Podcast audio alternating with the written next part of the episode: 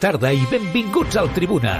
Si l'halcó mil·lenari té a Han Solo, l'estrella de la mort a Darth Vader, Dagobah a Yoda i Naboo a l'insufrible Jar Jar Binks, el Tribuna Marca de Radiomarca Barcelona té a Joan Prats.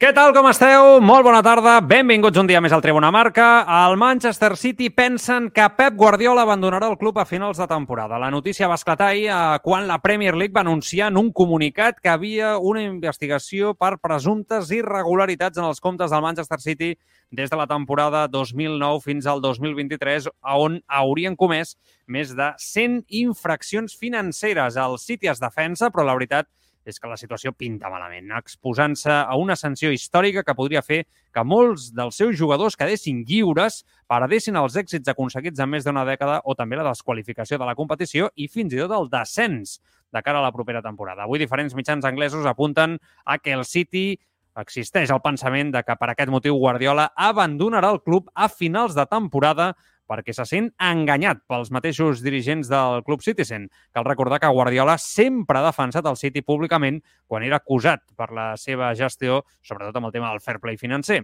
Guardiola intueix que les sancions seran molt dures i per aquest motiu valora deixar el càrrec fins i tot abans de que acabi la temporada, el que seria una autèntica bomba que Pep Guardiola, imagineu-vos, d'aquí dos, tres setmanes, si això segueix en aquesta mateixa línia, doncs decideix marxar del Futbol Club Barcelona. El que és la vida, eh? El que és la vida. Quants culers s'haguessin haguessin desitjat trobar-se en una situació on Guardiola pogués quedar lliure del Manchester City, ara ja sense negar-se fins i tot a fitxar pel Barça, i ara el Barça funciona, va bé amb Xavi i hi ha un, una nova etapa. Bueno, la vida és capritxosa, que deia la cançó, però en qualsevol cas Tenim, eh, hem de parlar de moltes coses, eh? perquè ha parlat d'Ancelotti, ha fet una defensa important en roda de premsa de Vinícius Júnior, ja sabeu que és l'home polèmic de la, de la temporada, d'això crec que no en tenim cap mena de, de dubte, i, i, ara, i ara en parlarem eh, al respecte de, al respecte d'ell, però hi ha molt, més noms, eh, més noms relacionats amb el Barça, algun que un altre fitxatge, alguna una altra notícia important, i es passa a l'última mitjoreta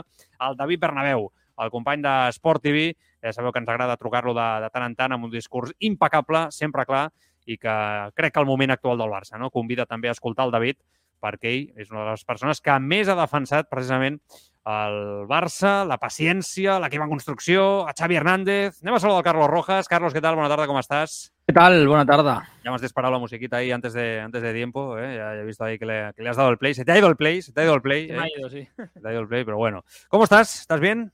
Bien, bien, bien. La verdad es que mmm, he sorprendido, muy impactado por todo lo que vimos ayer, porque la verdad es que es muy fuerte, pero muy Mm, fuerte. Muy fuerte. Y yo no sé cómo, cómo lo va a hacer, ¿no? El, el Manchester City para, para salir de esta, ¿no? Lo de Guardiola incluso te diría que es anecdótico porque hay más, ¿no? Sí, sí, Allá de, claro, claro. de- de Guardiola en vida. Y yo creo que, vamos, que al final es un poco encontrar, ¿no? El, eh, el camino correcto y saber explicar muy bien todo. Guardiola dijo, no lo olvidemos, en su momento, que si se demostraba que era cierto, ¿no? Que el City le había engañado, se iría, ¿no? O sea, Diría, sí, sí. eh, él hizo una. se posicionó de forma muy, muy, muy clara, ¿no? Cuando tocó. Y creo que si alguien ¿no? nos creemos en esa línea es a Pep Guardiola. O sea, quiero, quiero decir, con alguien para cumplir esa promesa, creo que és a Pep Guardiola una persona que no està per llets. No? Seria segurament la millor expressió que podem utilitzar al respecte. Bé, en directe a través de Radio Marca Barcelona, a través de radiomarcabarcelona.com, a través de l'aplicació mòbil de Radio Marca Barcelona, a través del Twitch, a través del canal de YouTube. Veig allà que al xat ja està el Togromi, el Cristian Alba, el Disco TV, el Javi Gonro a través del canal de YouTube, l'Andrés eh, 6061, Daniel H, eh, que diu hola, què tal? Eh? Juanito Guapito, que arriba ara, que diu hola també. Molt educats tots, eh? arribant. Tenim el grup de Telegram, recordeu, Tribuna Barça, és el grup on podeu anar comentant l'actualitat amb tots els oients del Tribuna Marca, Twitter Tribuna Marca, TikTok Tribuna Marca també. Bueno, e- e- és veritat que la situació ha esclatat, de fet ja va esclatar ahir, ho volíem comentar, però ja ens vam quedar sense temps i jo crec que imparava no? la situació de l'actualitat amb el Futbol Club Barcelona, sobretot tenint en compte una, una qüestió, i és que eh, crec que això va per llarg, no? I per això vam creure que, bueno, eh, com tindríem molts dies també per parlar-ne, i aquesta setmana sense futbol també del Barça es faria llarga, no tant del Madrid, que juga al Mundial de Clubs, bueno, doncs avui seria segurament un dia per analitzar-ho amb molta més calma. Home, la sensació que City i especialment Paris Saint-Germain no? eh, porten molt de temps fent trampes amb el tema del fair play i les normes financeres i no financeres, també de gestió, jo crec que és una, ja, ja no és una intuïció. Jo crec que amb les proves que tenim eh, no? i amb els reportatges d'investigació que han sortit al voltant d'aquests dos clubs, crec que és una obvietat, no? fins i tot m'atreviria m'atreviria a dir. Després, un altre tema, la sensació de que molts d'aquests equips utilitzen aquests clubs per rentar diners, no? Eh, crec que, que també és una obvi... no sé, no sé si és tan obvi, però vaja, és una sospita molt generalitzada, no?, de que s'utilitza el futbol com a reclam, com dic, per, per netejar, netejar o blanquejar diners, digueu-li com, com vulgueu. Clar, al final la Premier eh, em sembla que vol instaurar, no?, des de fa temps, una sensació d'imatge impoluta respecte a els seus inversors eh, saben que el model és pues, tio rico que viene i compra club, això no ho poden evitar. Aquí fins i tot, recordeu que s'ha batat en els últims temps, no? algun eh, inversor que volia comprar el Chelsea i que la Premier, no? l'estil NBA, doncs no donava el vistiplau i no deixava comprar en aquest cas el Chelsea després de la sortida d'Abramovich i sembla que estan anant en una línia de, de control, no? de respecte d'igualitats, així, entre cometes, eh, respecte a les condicions d'entrada a la mateixa competició anglesa. Tot això a mi em sembla estupendo, no? Però clar, ara s'obre un procés que s'ha de veure, no? Han de parlar els, eh, els, els que estan implicats. La situació pinta molt malament, jo crec que és, eh, és molt evident pel City.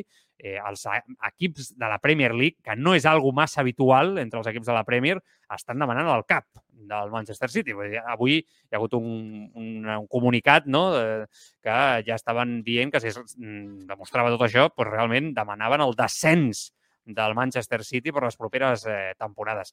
Per mi, seria el major escàndol de la història moderna del futbol si això s'acaba produint. Vull dir, si el City acaba descendent a, a Championship, se li treuen tots els èxits aconseguits de l'última dècada. Estic dient coses que, que poden semblar molt agosarades, però que, mm, o sigui, si obriu la, la premsa anglesa veureu que es tracta amb certa normalitat eh, com a conseqüència per aquesta gestió. I si el City ha de vendre la majoria dels seus actius en forma de futbolista perquè quedarien lliures o haurien d'estar al mercat perquè no tindrien marge salarial i estarien en una situació molt complicada econòmicament per poder pagar no? amb les eh, sancions també econòmiques que rebrien, vaja, eh, jo crec que estem davant d'algú... És que ni, ni lo del Milan, l'Inter i la Juve en el seu dia, vull dir, cap mena de, de, de, de sanció esportiva contra cap equip de futbol en la història crec que seria el nivell d'això, més enllà de potser algun cas no? eh, per situacions eh, d'agressivitat o d'ultres, no? que això potser va per un, altre, per un altre camí. I acabaré, i escolto el Carlos dient només una reflexió, que avui mentre estava eh, llegint no? alguns dels mitjans anglesos i preparant una mica el programa, m'ha vingut al cap. No? Duros a quatre pessetes a la vida, jo crec que això és la, la... Encara que sigui futbol, eh, i que sembli que hi hagi èpoques que equips que, que tenen molts diners i tal, jo crec que serveix per tota la vida, però en el futbol encara més, que això no, que això no cola. Vull dir que al final tot acaba patant per algun lloc, no? I el City i el PSG porten molt de temps estan a, a l'ombra de la sospita respecte a les seves gestions i ara es troben en una situació més complicada, perquè també el PSG eh, li estan dient no? que ha de rebaixar marge salarial, etc.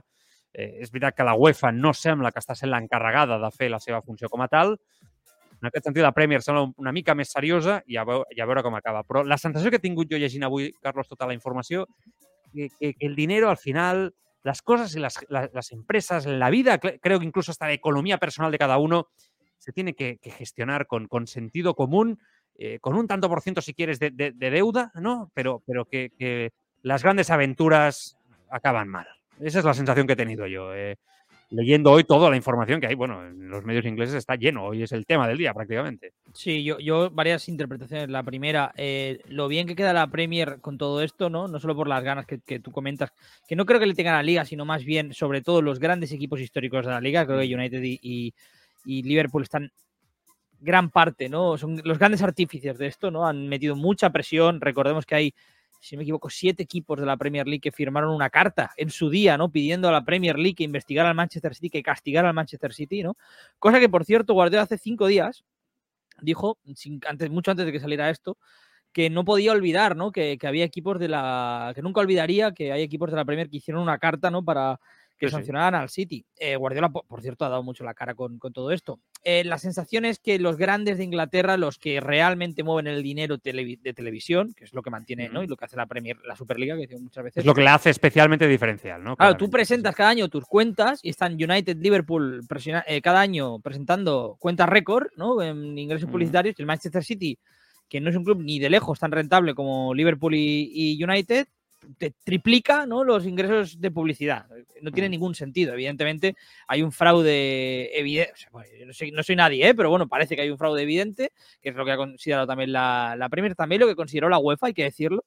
Eh, que es el TAS quien le quitó al City ¿no? Eh, aquella sanción. No fue la UEFA el que miró para otro lado. La UEFA sí sancionó al Manchester City.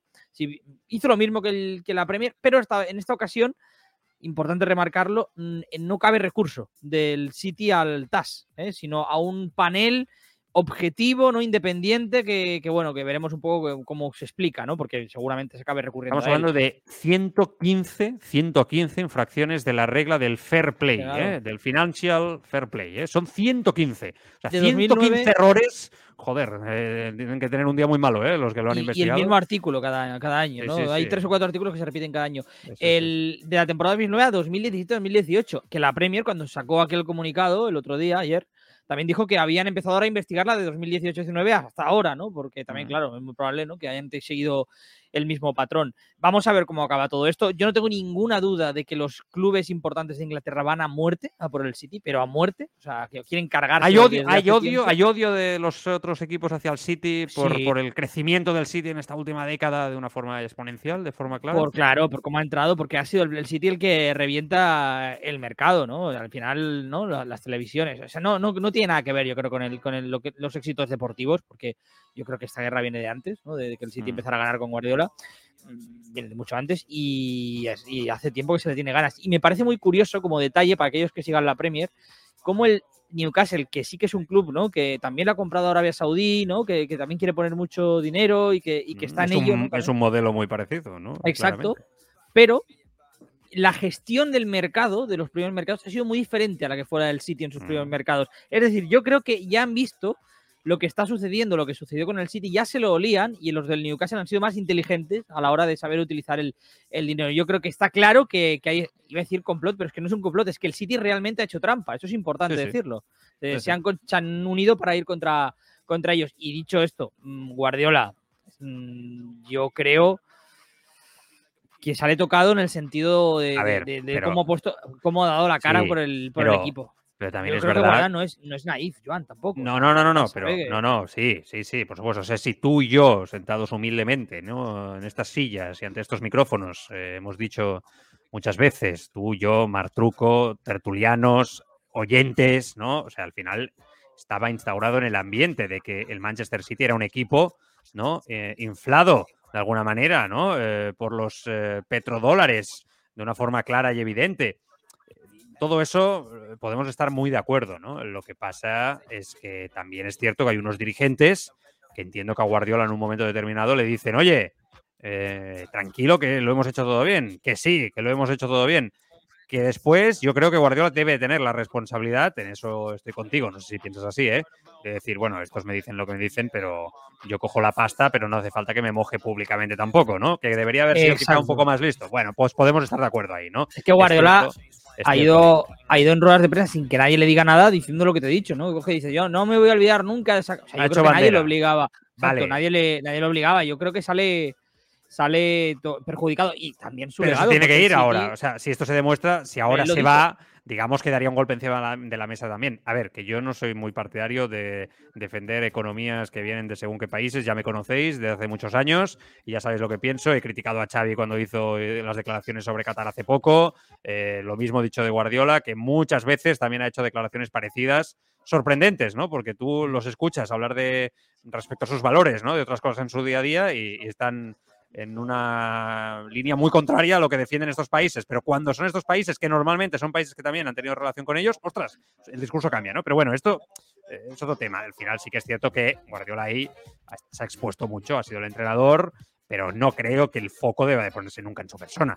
No, ya no, veo no. por dónde va a ir el tema. No, lo digo, lo digo porque eh, eh, es que empiezo a ser perro viejo ya, ¿eh? y ya, y ya veo por dónde va a ir el tema, ¿no? Eh, y, y desde ciertos lares se va a empezar a en tratar la crisis del City, si es que finalmente se acaba confirmando todo esto, para atacar a Pep Guardiola, ¿no? Eh, como, bueno, es que vamos a poder escuchar auténticas barbaridades. Yo creo que una cosa es decir, ostras, Guardiola ahí se mojó mucho, ha dado la cara, ahora por dignidad se tendría que ir y dimitir, y otra cosa muy diferente es eh, generar una campaña que parece que, que sea su culpa, ¿no? Eh, yo creo No, que no, no es su culpa, pero, pero es que ha sido el portavoz. Es que yo creo que ha sido, en Inglaterra se ve así, ¿no? Que ha sido el, el- el portavoz de muchas Pero veces. ha caído ¿no? también De- un poco en la trampa, ¿eh, Carlos? Yo creo Claro, que la si es que el primer, el más enfadado debería ser Guardiola, porque Guardiola Claro. ha hecho un equipo histórico de Inglaterra, ha hecho un equipos históricos, ha hecho récord de puntos, ha hecho ¿no? Eh, tripletes domésticos, ¿no? Y que todo Ah, no, esto, el trabajo es impecable, claro. claro, Sí. que todo esto ahora se lo puedan quitar, o sea, yo es que tiene que ser ¿no? una frustración a nivel, bueno, como entrenador sin haber hecho Ah, no, nada, ¿no? Un error. profesionalmente Ah, es un palazo, Es, un palazo. un palazo. Es un palazo. A ver, eh, ya veremos qué pasa, ¿eh? Pero a ver, no nos engañemos. La situación a día de hoy parece, tú- es que, insisto, daros una vuelta por los rotativos ingleses y os leéis un poco cómo tratan el tema en el The Sun, por decirte uno, ¿no? Que los artículos de opinión son. Además, ya sabéis que en Inglaterra no, no, no, no, no- miden, ¿eh? O sea, que, que- que cuando hay escándalos de este tipo van, van a full y, y realmente, vamos, ya no solamente es que dejan a Guardiola en una posición complicada y incluso yo creo que con, se le trata con respeto, ¿eh? pero si exhiben esto que estamos comentando Carlos y yo, pero sobre todo, sobre todo, eh, vamos, piden la cabeza del City sin miramientos. O sea, no hay ningún tipo de miramiento a la hora de hablar de que un City como este, uno de los mejores equipos de Europa, pueda descender. Pero yo tengo varias preguntas. ¿Qué va a pasar ahora con el City en Champions, por ejemplo, si esto se confirma? ¿No pasa nada? ¿La UEFA se mete también, se implica y dice, no, no, si en la Premier League lo han hecho descender, ha perdido cualquier opción, ¿no? Eh, esta temporada de ganar la Premier, etcétera. Es que las consecuencias pueden ser muchas, ¿eh? Ya veremos Claro, cuál- pero- cuáles son. ¿Qué hace la UEFA? Porque yo, yo creo que esto también va a poner una situación a la UEFA, ante la UEFA también, de, bueno, de, de dar la cara, ¿no? De alguna, de alguna forma clara. Y después del tema del Paris Saint Germain, que yo entiendo que desde París hoy están sacando la cabecita, ¿no? Siguiendo este tema, pero escondiéndose detrás del arbusto, pero mirando cómo acaba todo, ¿no? Diciendo, bueno, a ver, a ver esto, porque yo creo que el modelo de club, estaremos de acuerdo, Carlos, es lo mismo. Al final son, muy parecidos, así como tú ahora, yo creo que hacías un buen símil con el Newcastle, ¿no? Que ha empezado de otra manera, aunque el dinero proviene de un modelo muy parecido también como es el caso del City. El Paris Saint Germain no ha tenido en ningún caso ningún miramiento en hacer lo mismo que el City, ¿eh? ir a por todas, a muerte. Hay una, para mí hay una pequeña diferencia ¿no? entre, entre City y PSG, que es el entorno. El Paris Saint Germain, yo creo que por lo que hemos, ido, que hemos hablado mucho el PSG estos años, ¿no? es un, país, es un club muy cerca del Estado, ¿no? O sea, recordemos que el Qatar Gate ¿no? incluía también a personalidades, ¿no? Como ex primeros ministros, ¿no? Primeros ministros, Macron haciendo la llamada a Mbappé, no, o sea, no sé si me explico. Es decir, que tienen muy, están muy bien arraigados en el país, se mueven muy bien en, en esas instituciones. Sí, sí. El Manchester City siempre ha sido objetivo de los grandes de Inglaterra, o sea, siempre han ido a por ellos, o sea, de una forma clara. Lo que pasa es que la, la investigación se ha demorado muchísimo, ha habido cartas, yo creo que ahora, ahora entendiendo, ¿no? Ahora con estas noticias, entiendo lo de las cartas, seguramente pidiendo esa celeridad, ¿no? Que, que, ahora, que ha salido con la noticia de, estos días. Y yo no tengo ninguna duda de que al Manchester City, o sea, o sea, van a intentar. Estamos recor- recordemos que si al, City le quitan las ligas, las Premiers, el Liverpool gana tres ligas y el United cuatro. Ah, ya lo has mirado, ¿eh? Espera, lo, iba, lo iba a mirar ahora. Lo iba a Ah, es mirar que ahora. el United gana cuatro y el Liverpool tres. Es que estamos hablando de los dos clubes que más están yendo a por el City. O sea, es- Y se habla de un descenso de en descenso una o dos divis- divisiones para el City, control de tope económico, ¿no? Esto es lo que he estado leyendo esta mañana. O sea, ellos tendrían un tope eh, a nivel presupuestario por debajo del, del resto, pago de sanciones millonarias a la Premier League como institución, o sea, quizá les meten un palo de, no sé, 200 millones, 300 millones, y en este caso, con ese límite presupuestario, estarían obligados a vender o dar en libertad a muchos de los fichajes que, que han llegado. es otra. Esta es sería la, otra, ¿eh? la- la otra jugada. Claro, yo me he hecho una lista aquí de, de los jugadores que podrían quedar en verano libres o a un precio de ganga, obligados a salir del City. Claro, Ederson, Rubén Díaz, Aymeric Laporte, Rodri, ojo al factor Rodri en Can Barça con el tema Busquets, porque esto hay que valorarlo. A qué Haaland, De Bruyne, Akanji, Foden, Sergi Gómez, Walker, Lewis, Bernardo Silva o Gundogan, que este acaba contrato, ¿no? Caramelos para cualquier equipo europeo. Yo entiendo que la mayoría se quedarían en Premier, porque me da la sensación que la Premier League de alguna manera ya lo movería, si esto estamos haciendo ficción, ¿eh? pero ya os digo que no es tan ficción porque la realidad es que pinta muy mal para el City. Eh, yo entiendo, Carlos, que la Premier League haría cualquier cosa para que estos cracks siguieran en la competición dentro de, otros equipos como el United, como el Liverpool, etcétera, ¿no? Me da la sensación que, ya lo intentarían arreglar. Aún así, algunos escaparía, seguro. O sea, el Barça, Madrid, eh, no sé, otros equipos como el PSG, yo creo que estarían en la, la, Serie A también, Bayern de Múnich, seguro que estarían atentos a lo, a lo que pueden pescar. Vamos a ver ficción. Yo creo que el Barça sí puede pescar a alguien aquí y hay un. Y si el Barça tiene una situación económica, también hay que valorarlo esto, ¿no? Posible, porque la situación a día de hoy yo creo que haría imposible entrar a poder pagar unos millones de euros por, por cualquiera de estos jugadores. Yo creo que debe ser Rodri. Es que no tengo la menor duda, porque es que, vamos, e, el debate del medio centro del pivote lo, acabas de, lo arrancas de cuajo, ¿no? Eh, se acabó. Además, Rodri es uno de los que me cuadra que se irían a, fuera de la Premier. Podría no podría, porque yo creo que el Barça te llama, ¿no? Eres Rodri y te llama, no sé, pongamos el Arsenal, que, también es una opción muy interesante, ¿no? Pero bueno, yo creo que Rodri diría, me mm. vuelvo a España, ¿no? El Barça, una oportunidad. Podría ser el único, ¿no? Pero bueno. Claro, yo, creo que sería un poco Calciopoli, el caso de la Juve, ¿no? Recordemos en 2006. El Barça pescó muy mal ahí, se quedó con Zambrota y con Turam y salieron rana. Pero se quedaron muchos por Italia, ¿no? Es verdad que algunos salió, pero muchos se quedaron por, mm. por Italia. Yo me imagino algo similar. Ahora, yo no sé ¿hasta qué punto le van a, quitar al City las ligas conseguidas? Eh, yo lo del descenso sí que lo veo bastante plausible. Es que es muy fuerte esto. Eh. O sea, yo, sinceramente, incluso hasta como competición, llega un punto que también lo tienes que valorar eso. O sea, al final tienes que pensar.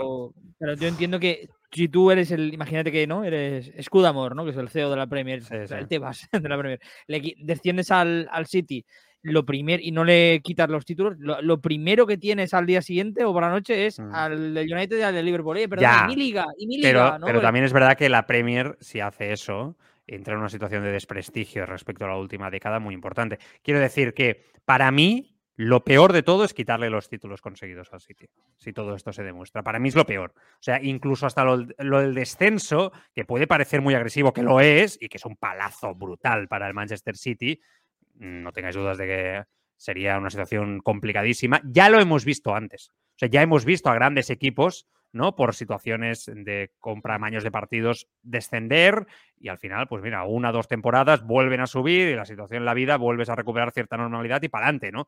Eh, pero el quitarte todo lo conseguido durante una década o más, yo creo que esto es, muy, es un palo muy gordo. O sea, es que es, es un palo al City. Yo no sé si incluso como institución ¿no? Lo dejaría al borde de una crisis histórica em, dramática, porque vete a saber después aquí. Sí, claro, aquí, claro, ahora especulando contigo se me abren muchas hipótesis en la cabeza, ¿no? Estos dirigentes van a seguir siendo los propietarios del City. Porque estos son los típicos, bueno, a mí me da la sensación, no los conozco, evidentemente, nosotros humildemente desde aquí, ¿no? Pero a mí me da la sensación que estos son los típicos que a la que ven este marrón se bajan del barco. Uy, el fútbol ya no nos interesa. Yo me vuelvo a mi país con mis chollos, mis dineros, mis. Es que tú lo antes. Claro, tú, si tú al momento que te cierran el chiringuito quedas fatal, ¿no? Eh, yo creo que vendes el club, ¿no? bueno, ahora me voy a hacer. ¿eh? bueno, pero ahora me voy a hacer cricket, me voy a hacer petanca si hace falta. ¿Sabes lo que? O sea, yo creo que esta gente, lo que es el fútbol en sí, les importa poco. Bueno, le, quizá a uno le gusta el fútbol o a dos, pero yo creo que la razón en sí es, es el entonces, bueno, pues a ver cómo se quedaría el City, ¿no? Eh, el día después de toda esta, toda esta situación. Bueno, es un, es un marrón para el City, pero per sobre de tot nosaltres direm una cosa, que es faci justícia. No sé, jo, o sigui, més que més que res, per sobre de tot, que es faci justícia, sigui quin sigui l'equip, i si les coses han fet malament, doncs escolta, que, que es demostri, no?, en aquest sentit, i a partir d'aquí anem a veure i evolucionar eh, amb l'actualitat, que jo crec que les properes setmanes anirem seguint aquest tema de ben a prop. Anem a fer una tongada de missatges a través de, del Twitch i el canal de, de YouTube, que hi ha molts al respecte. Eh, evidentment, és un tema trencador, inesperat, no? i que ha sacsejat l'actualitat esportiva futbolística del moment sense cap mena de, de dubte. Carlos, a ver, ¿qué ha seleccionado por ahí? Venga. Mira, por ejemplo, tu Bromi que nos decía, vaya hombre, ahora que Xavi está funcionando, el tema de que Guardiola se quiere ir del Manchester City o que se vaya a ir del Manchester City, Daniel H. decía, ¿creéis que tiene relación las declaraciones de hace dos semanas de si me llama el Barça de Guardiola? Yo sí. ¿Tiene algo que ver con esto? ¿Que se veía sí. ya el percal? Yo, yo estoy seguro que esas declaraciones no son casualidad. O sea, ni estas ni las anteriores, donde ya él dejaba entrever que no estaba muy contento con la actitud de los jugadores, que la situación quizá no iba del todo bien, etcétera. ¿Tú coincides? O sea, yo, a mí me da la en sensación lo- que no es casualidad. En lo de los jugadores no coincido tanto, pero lo otro sí, ¿eh? Yo creo que ahí ya es él... casualidad con Guardiola. Yo creo, no, exacto. Yo creo que él ya se lo veía venir. Alguien le dijo algo. O sea, yo no, no estoy, estoy seguro que en el City ya sabían algo. O sea, no, no, no se levantaron ayer y se lo encontraron, ¿no? La postura oficial es que ellos les ha cogido por sorpresa, pero yo coincido también que esto es imposible. El Es City que- es un equipo con un peso enorme en la Premier League actual. ¿eh? Es que recordemos que el comunicado del City, que yo me lo estuve leyendo, decía, el Manchester City está sorprendido, ¿no? Por el resultado. por eso te digo. Sí, por la- no, pero decía, por, por el contenido que hemos aportado, los documentos, eran tan correctos que yo creo que tú ya sabes También que te digo una cosa, ¿eh, Carlos? 113 ¿no? rupturas, en este es caso. muy común que eh, cuando hay una institución eh, como esta en ciertas organizaciones deportivas o incluso hasta personajes individuales deportivos de mucho nombre se sienten o se creen intocables, ¿eh? no tocan con los pies en el suelo. Ha pasado muchas veces, en infinidad de veces. Lance Armstrong, ¿no? Tiger Woods, hablo de personajes individualmente, pero también de, conjuntos, ¿no? El propio Milan en su momento, la Juve, o sea, se creían intocables y cayeron, porque al final se hizo el peso de la justicia, que no siempre funciona, no siempre es justa. A veces nos lamentamos de ello, pero en otros casos sí que ahí están las pruebas, ha funcionado y lo celebramos. ¿Qué más? Cristian Alba decía, yo antes que a Guardiola de entrenador prefiero a Haaland eh, como jugador para el Barça.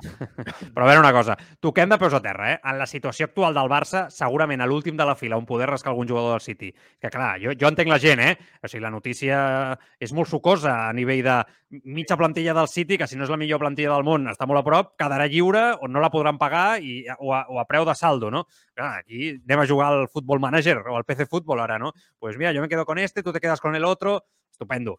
Però mm, siguem conscients que el Barça segurament no... És, o sigui, si això passa en una altra temporada, doncs sí, però a dia d'avui és, pràcticament difícil. El Barça no té fair play amb el senyor Tebas. eh, Podria arribar a acords, potser, per portar alguns jugadors, però pagar-los el sou o encabir els sous d'aquests futbolistes amb l'encaix de la Lliga a dia d'avui és pràcticament impossible. O sigui, esto de Haaland lo veo mucho más posible para el Madrid, sinceramente.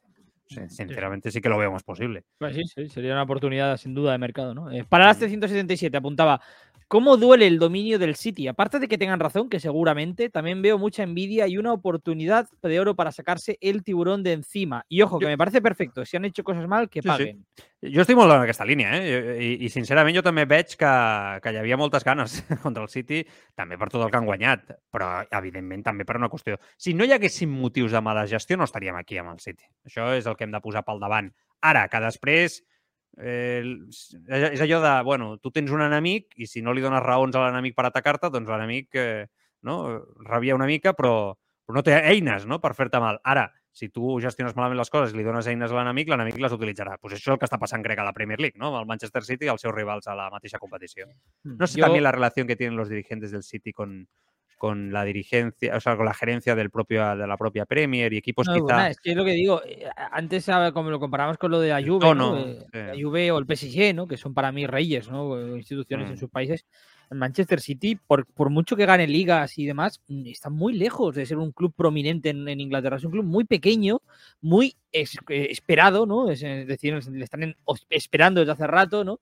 Y van a ir a por ellos, que nadie tenga ninguna duda, ¿no? Y en el respecto al mensaje de palabra, yo estoy de acuerdo que sí que duele el dominio también, ¿no? Eh, Seguramente institucionalmente, pero mm, para nada creo que tenga razón el Manchester City, o sea, para nada. O sea, creo que es un club que ha hecho mm, claramente muchísimas trampas, ¿no? Y por eso ha sido aún más perseguido que el PSG. De hecho, mira, el siguiente mensaje va un poco en esta línea de C83 que decía, hablamos de posibles fichajes del PSG cuando el PSG abusa muchísimo más del dinero que el City.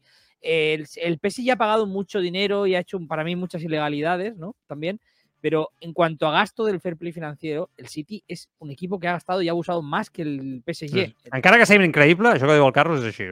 Sí, perquè el concepte aquí que ha arribat més és del PSG, també jo crec que a Barcelona, al City, hi ha una certa sensació, no, generalitzada, cadascú tindrà el sentiment que tindrà, però bueno, molta gent sí que crec que és evident, no? que té un sentiment d'estima per Guardiola, pel City, per l'estil de joc, no? per dirigents catalans portant-ho, però, però és cert, eh? Vull dir, el City és, és un escàndol espectacular. Eh, El PSG també, també, però la sensació a Europa és que el City és el que ha sobrepasado todos los límites en aquest sentit. Vale, Carlos, más mensajes, va, vamos con ritmo. un, último del, del, propio EC que acababa el mensaje así, dice, no le pueden quitar los títulos porque si no tendría muchos problemas con los clubes perjudicados. El que habría ganado la Liga, el que habría entrado en Champions, el que habría ido a la UEFA. Ah, muchas denuncias que no interesarían. això et dic que sembla complicat, no?, en aquest sentit. Bueno, mitja horeta una mica més parlant del City, eh, jo crec que suficient. Anirem seguint aquest tema, que segurament evolucionarà en els últims, els propers dies de forma clara i, i evident. Anem a parlar una mica del, del Barça. Eh, diferents notícies al llarg de, del dia d'avui. És veritat que la cosa està, està tranquil·leta. Si voleu a nivell de, de mercat o d'especulació, dos noms, eh, un ja conegut, per exemple, el David Roque, ja sabeu que és el davanter de l'Atlético Paranense, de gairebé 18 anys, eh, excel·lent nou jove del Brasil, que el Barça el veuen com el nou perfecte per suplir a Robert Lewandowski en les properes eh, temporades. Avui el Joaquim Piera a l'Esport publica que el Barça ja ha contactat amb l'Atlético Paraense per poder incorporar Vitor Roque, que està representat per André Curi i és Deco, qui està fent aquestes gestions en nom del, del Barça. I després l'altre nom és el de, el de Stefan Mitrovic, que és aquest extrem de l'estrella roja del Belgrat, de només 20 anys i que ha despertat l'interès blaugrana després de diferents informes favorables del Departament de Scouting. Avui el pare del futbolista ha confirmat al seu compte de Twitter que el Barça ha contactat amb ells per fitxar el jugador. Esta temporada ha fet 5 gols y ha destacado especialmente a la, a la Europa League. Eh, a mí todos estos movimientos de jugadores jóvenes eh, me parecen muy bien, eh, siempre y cuando se estudie bien, una vez más lo vuelvo a pedir, no solamente su calidad futbolística, porque jugadores buenos hay muchos y talentosos también, pero eh, cracks diferenciales uno, no hay tantos, esos son los que tiene que fichar el Barça. Y dos, el entorno. Yo creo que hay que estudiar muy bien cómo son, su perfil psicológico, cómo van a soportar la presión en el Fútbol Club Barcelona, cómo se van a adaptar, ¿no? Y después está el tema del dinero, ¿no? Porque yo, yo a ver, ahora ya ya os explicaremos algunas noticias que han sortit avui sobre eh, a nivell econòmic el Barça em sembla que té alguna palanca per allà reservada també per tenir diners aquest estiu de nou per poder invertir en fitxatges, en el club, etc. Està el tema de la guerra judicial amb la Lliga per tenir més fair play no? i per tenir uns marges salarials que el Barça interpreta d'una manera diferent a la competició. Però a dia d'avui, tocant de peus a terra, el Barça no té ni, ni marge salarial, s'ha de desfer encara de molts milions d'euros i amb les normes actuals no podria utilitzar les palanques per, per, per fitxar, no? per invertir, no sé, 40 en un, 50 a l'altre... Bueno, el que va fer aquest estiu amb Condé, amb els Rafinhas, amb els Lewandowski de torn. Per què ho dic, això? Perquè aquests dos, a mitja Europa els vol, eh, i un potser costa 40 i l'altre 30. Eh, vull dir que no són els 90, els 80, els 65, 70, els 100 milions d'euros per si vas a jugadors eh, ja més fets, de 25, 26, 27 anys, no? com realitats com podria ser, no sé, un Bernardo Silva, per dir un nom, però que aquests també costen molts milions d'euros i que el Barça no, no té aquests diners. Sobre todo lo de Vitor Roque, ¿no? Vitor Roque está haciendo un sudamericano brutal, ¿no? Eh, yo creo que es. Y a día de hoy ya el mercado brasileño, y esto es una realidad que hemos aprendido en los últimos tres años, cuatro, Barça y Madrid ya no son los que lo monopolizan, ¿no? Como a principios, mediados de la pasada década. por, eso, por eso van a por los jóvenes, Entonces es muy complicado. una vez entran PSG City, ¿no? Equipos ingleses, una vez en cualquier operación de cualquier tipo a la que entra un equipo inglés se ha acabado, es decir, la, se multiplica el, valor del jugador. dependes del deseo ya, o sea, ahí dependes del deseo, de, la pasión que tenga el futbolista por, por, fichar por el Barça. Rafinha este verano, Rafinha podía ir este verano al Arsenal, podía tener al Chelsea ahí, ¿no? Cuando jugaba en el Leeds eh, y él prefirió esperar al Barça por el Barça. Bueno, pues eh, perdió dinero seguro, a nivel salarial, seguro, no, no, pero ya no se lo digo, es que al Barça también se lo encarece, ¿no? O sea, no solo no, por eso, por eso. jugador, sino que encima ya estás obligado. O sea, ya... el, el, Leeds quería vender al Chelsea. Eh, exacto. si, el, si tú tienes a Vitor Roque, ¿no? Y el Barça no lo quiere nadie, vas tú le dices a, su equipo, mira, te doy 30 millones. A lo mejor tú te lo, te lo compras, pero si te viene el Chelsea y te dice, perdona, Vitor Roque, por 50 me lo das, ya te van a pedir 50, ¿no? Entonces, es un poco, ya lo encarece todo, ¿no? los equipos de Premier, si se van metiendo, que parece que cada vez controlan más el mercado. Y en cuanto a Mitrovic, bueno, dentro de KB, no está, para mí, no tiene un, escaparate tan grande como el de Vitor Roque, hasta mirando su estadística, ¿no? Que, que, bueno, si viene futbolísticamente, pues esperemos que meta más goles, ¿no? Porque decíamos que el Barça necesitamos goleadores y precisamente Mitrovic en 26 partidos que lleva 3 goles, ¿no?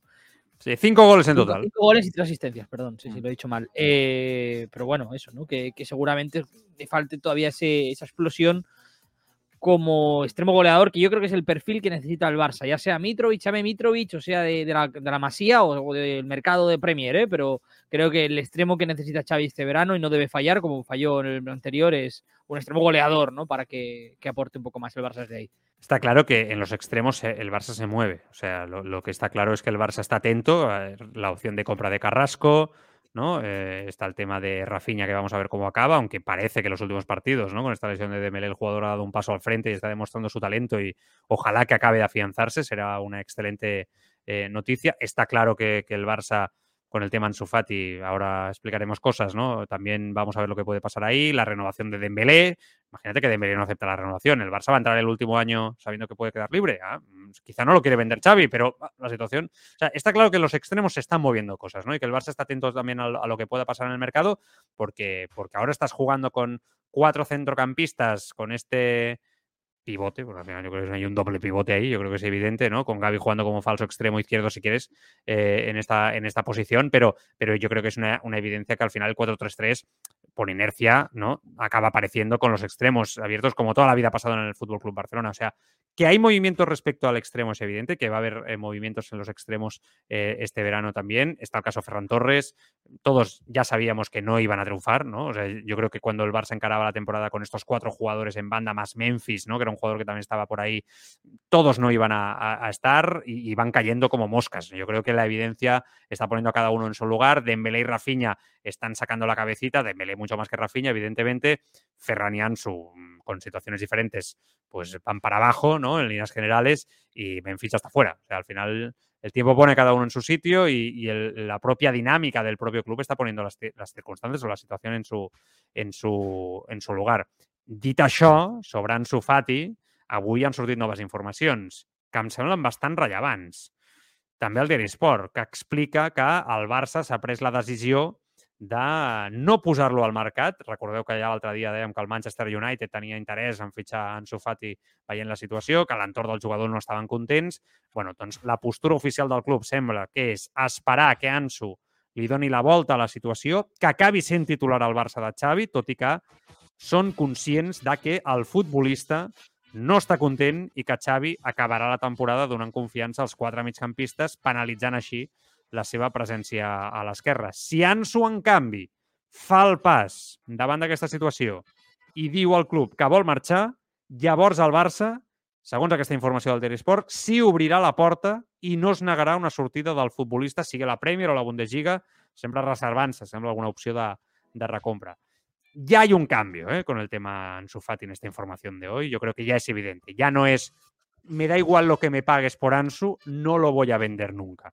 ¿No? Porque es un proyecto de futuro, se está recuperando, no. Ahora es, yo no lo quiero vender, pero si el jugador sigue descontento por su situación, levanta la mano y dice, hombre, pues quizá me iría bien irme al, al City, no, al City igual no, ¿eh? Al, al, ¿Cómo está el tema? Me voy al United, pues el Barça ya cambia la postura y dice, bueno, pues vamos a negociar, ¿no? Creo que esto es fruto de la falta de confianza en Ansu, para empezar, yo creo que se está empezando a dudar de él. Dos, de la situación económica, del club, que hay necesidad de ingresar millones, yo creo que esto también es evidente. Y tres, que creo que en el entorno del Barça no gustan las formas del entorno del propio jugador, ¿no? Con las quejas, las filtraciones ante medios de que debería jugar más o menos. Esto yo creo que no ha gustado mucho. Yo creo que viendo estas informaciones me recuerdo un poco cuando se empezó a señalar a Rafinha, ¿no? Eh, está nominado a Ansu Fati. O sea, está claro que el Barça necesita una venta importante este verano, ¿no? Para poder cumplir un poco con lo que quiere en el mercado. Eh, se habló de Rafinha, se ha hablado de Ferran, se seguirá hablando de más nombres. Bajo mi punto de vista, creo que no serán los últimos en salir. Mm. Y pues Ferran, que, ay, Ferran, eh, Rafinha, que viene a hacer buenos partidos, ¿no? De responder un poco el otro día y demás. A lo mejor le toca ahora quizá a Ansu Fati, ¿no? Yo estoy seguro que Ansu Fati está descontento, pero yo creo que él no quiere irse al Barça. Yo creo que Ansu Fati sabe muy bien dónde está no creo que estemos ante un jugador que se crea ¿no? más de, de lo que más del club, ¿no? Es decir, no juego aquí No. podría ser estrella del Arsenal, ¿no? El no, Madrid. no se lo veo, pero sí que veo que se está Pero convirtiendo en un está, ¿eh? problema. en- exacto, se está convirtiendo en un problema de encaje, ¿no? Porque el Barça seguramente yo creo que sí que está cómodo, entre comillas, teniendo a Ansu Fati como jugador primer cambio, no sé, Carlos, eh, cambio ojo, ahora mismo. Ojo, eh. ojo que Ansu Fati cobra bastante dinero, ¿eh? Después de su última Bueno, sí, yo hablo, yo hablo futbolísticamente, perdón. Quiero decir, el rol de Ansu Fati al Barça para mí sí que le encaja, ¿no? A lo mejor de primer cambio, segundo, cam segundo cambio, ¿no? Entrar no, no molesta en, en No, ese caso, no. Ansu Fati ni, ni de lejos, pero, Futbolísticamente no, claro. está pero no encaja con lo que él pide, ¿no? Ansu Fati te pide minutos, te pide ser titular. Yo creo que él se ve con la capacidad de, de- volver, ¿no? O, de superar el techo que, que se, le había, se le había puesto y no encaja con lo que tiene el Barça ahora mismo, ¿no? Con la idea. Si a eso le sumas el factor económico del dinero que puedes ingresar por él, porque yo sigo creyendo que tiene mucho cartel Ansu Fati en, en- en todo el mundo y que, como tú comentas, ¿no? El tema de la masa salarial también entra en juego.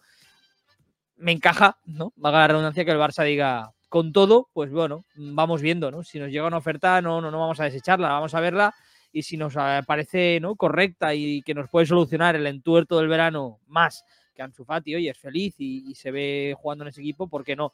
Yo creo que el Barça está viéndolas venir con Ansu Fati. No creo que la haya puesto en el mercado de forma clara como hizo con No, Rafinha no. hace un tiempo, pero, No, pero me está da, viendo venir. se- sería incluso antipopular, ¿no? Yo creo que sería un Sí. movimiento muy delicado también por la masa social, ¿no? Eh, hacer ese movimiento con, con Ansu, pero que vamos, que el tema está ahí. Yo creo que esto es más que evidente, que el problema puede explotar también.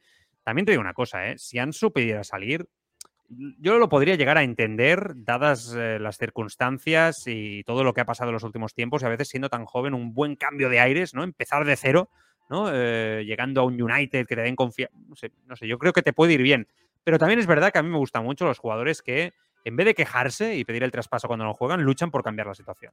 Esto creo que se lo escuchaba al Cholo Simeón en alguna rueda de prensa, ¿no? En alguna ocasión, que, decía eso, ¿no? Dice, ¿por qué tenéis que hablar siempre de los que no juegan que se vayan a ir? ¿Por qué no lo encaramos de otra manera? Que los que no juegan luchen por ganarse la titularidad, ¿no? Me gustó mucho esa respuesta del Cholo porque pensé, como todo en la vida, ¿no? Nosotros en nuestro trabajo, eh, a priori vas a intentar darle la vuelta, ¿no? Creo, generalmente, habrá de todo, ¿no? Evidentemente habrá de todo, pero bueno, por lo menos mi mentalidad, ¿no? Oye, voy a intentar luchar para dar la vuelta a esta situación, no voy a bajar los brazos, ¿no? Yo creo que Ansu, además, sintiendo los colores como los siente, ¿no? Me acuerdo ese documental de Prime, ¿no? Donde le dice, soy culé a, Mateo Lamany, ¿no? Le dice, no, si yo me quiero quedar aquí, soy culé, ¿no? Es una expresión muy de niño, ¿no? De, yo soy culé, ¿no? Eh, muy, muy, muy normal, muy, muy natural, ¿no? Diciéndoselo a Mateo Alamany en esa conversación que se ve en el documental. Ostras, pues sinceramente, ¿qué queréis que os diga? Yo, yo creo que, que lo bonito sería que Anso dijera, yo me quedo, sigo luchando, y si el club no me dice lo contrario, voy a luchar para volver a recuperar mi mejor versión con los minutos que me den y dar y cambiar el punto de vista de, de Xavi, ¿no? Porque yo creo que esto va de eso y que Ansu sigue siendo un jugador muy joven, ¿eh? Que a veces cuando hablamos de Ansu parece que hablamos de un jugador de 26 años de... y no, es que es muy joven. O sea, explotó muy, muy pronto. Però bueno, vamos a ver el futuro también que, que nos, nos depara al respecte. Eh, més temes... Eh, ara parlem de més noms propis, eh? però respecte al tema situació econòmica, ho dic perquè tot va una, va una mica barrejat, no? El cas de l'economia del Barça, de cara quan parlem del futur, no? especulem sobre la situació del, del futur, eh, avui ha explicat Voz Populi que el Barça està avançant en les negociacions per una nova palanca. Eh? Ja tenim aquí una nova palanca, ja està preparada. A veure, eh, és, eh, sembla ser que in- tindria el Barça una important injecció econòmica a canvi de cedir una part dels futurs ingressos del Camp Nou i del Palau a Six Street, que ja és el fons d'inversió amb el que va fer el tema de, dels drets eh, televisius. El Real Madrid, recordeu que ja va fer el mateix eh, amb la mateixa empresa la temporada passada, mm, no es va dir palanca, però es podria dir palanca sense cap de problema, eh, però, bueno, seria una nova situació. Claro, yo, yo si eh, el tema de las palancas, eh, volvemos a hacer valoraciones que ya hicimos el año pasado, a estas alturas y quizá un poquito más, ¿no? Pasados los meses ya entrando en verano. Eh, yo lo entendía el año pasado, aunque no me gustaba la venta de activos eh, o hipotecar activos del futuro para, para tener cash al momento. eh, no me gustaba, pero lo podía entender cuando tenías la necesidad de hacer una plantilla competitiva por el discurso que se había comprado en un momento determinado, Carlos. Pero ahora no me acaba de cuadrar tanto porque el tema de las palancas con la liga ya, ya no funciona. O sea, de momento tienes a la liga de culo para, para poder, solamente puedes poner el 5% en el fair play, por lo tanto, para tener fair play ya no es. Eh, entiendo que esto es para tener cash. O sea, eh, entiendo que esto que es para equilibrar los números del año. Yo creo que el Barça una vez ya pasada la pandemia, debe de ser capaz de recuperar económicamente, ordinariamente, con sus números y su generación de ingresos, aguantar eh, el club ¿no? en su día a día, pagar eh, los sueldos como lo debe hacer y no tener que estar constantemente, como directiva, como gestores, apoyándose en las palancas, nunca, mejor dicho, para poder cerrar los números en positivo, algo que evidentemente penaliza a la, si es en negativo, a la junta directiva. Veremos, es, una noticia, no ha ido a más, el Barça no ha hecho una afirmación al respecto, pero me cuadra bastante con los movimientos que estamos viendo pero a mí me preocupa. No me acaba de, gustar, sinceramente, que el modelo de gestión pase a ser ir vendiendo para tener beneficios en base a lo que vas hipotecando a nivel de activos.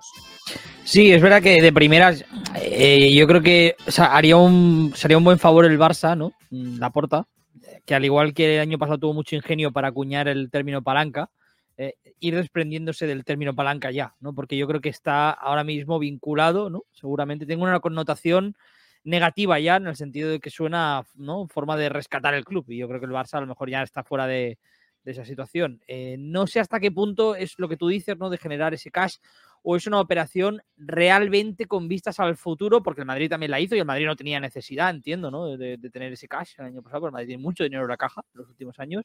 No sé hasta qué punto es estratégico o hasta qué punto es una palanca como tal, ¿no? Entonces, yo creo que aquí estaría bien que, se explicara muy bien de nuevo, ¿no? Al igual que se hizo una muy buena pedagogía el pasado verano y una muy buena comunicación con el tema de las palancas, que la gente lo entendió y de hecho se ilusionó con ello.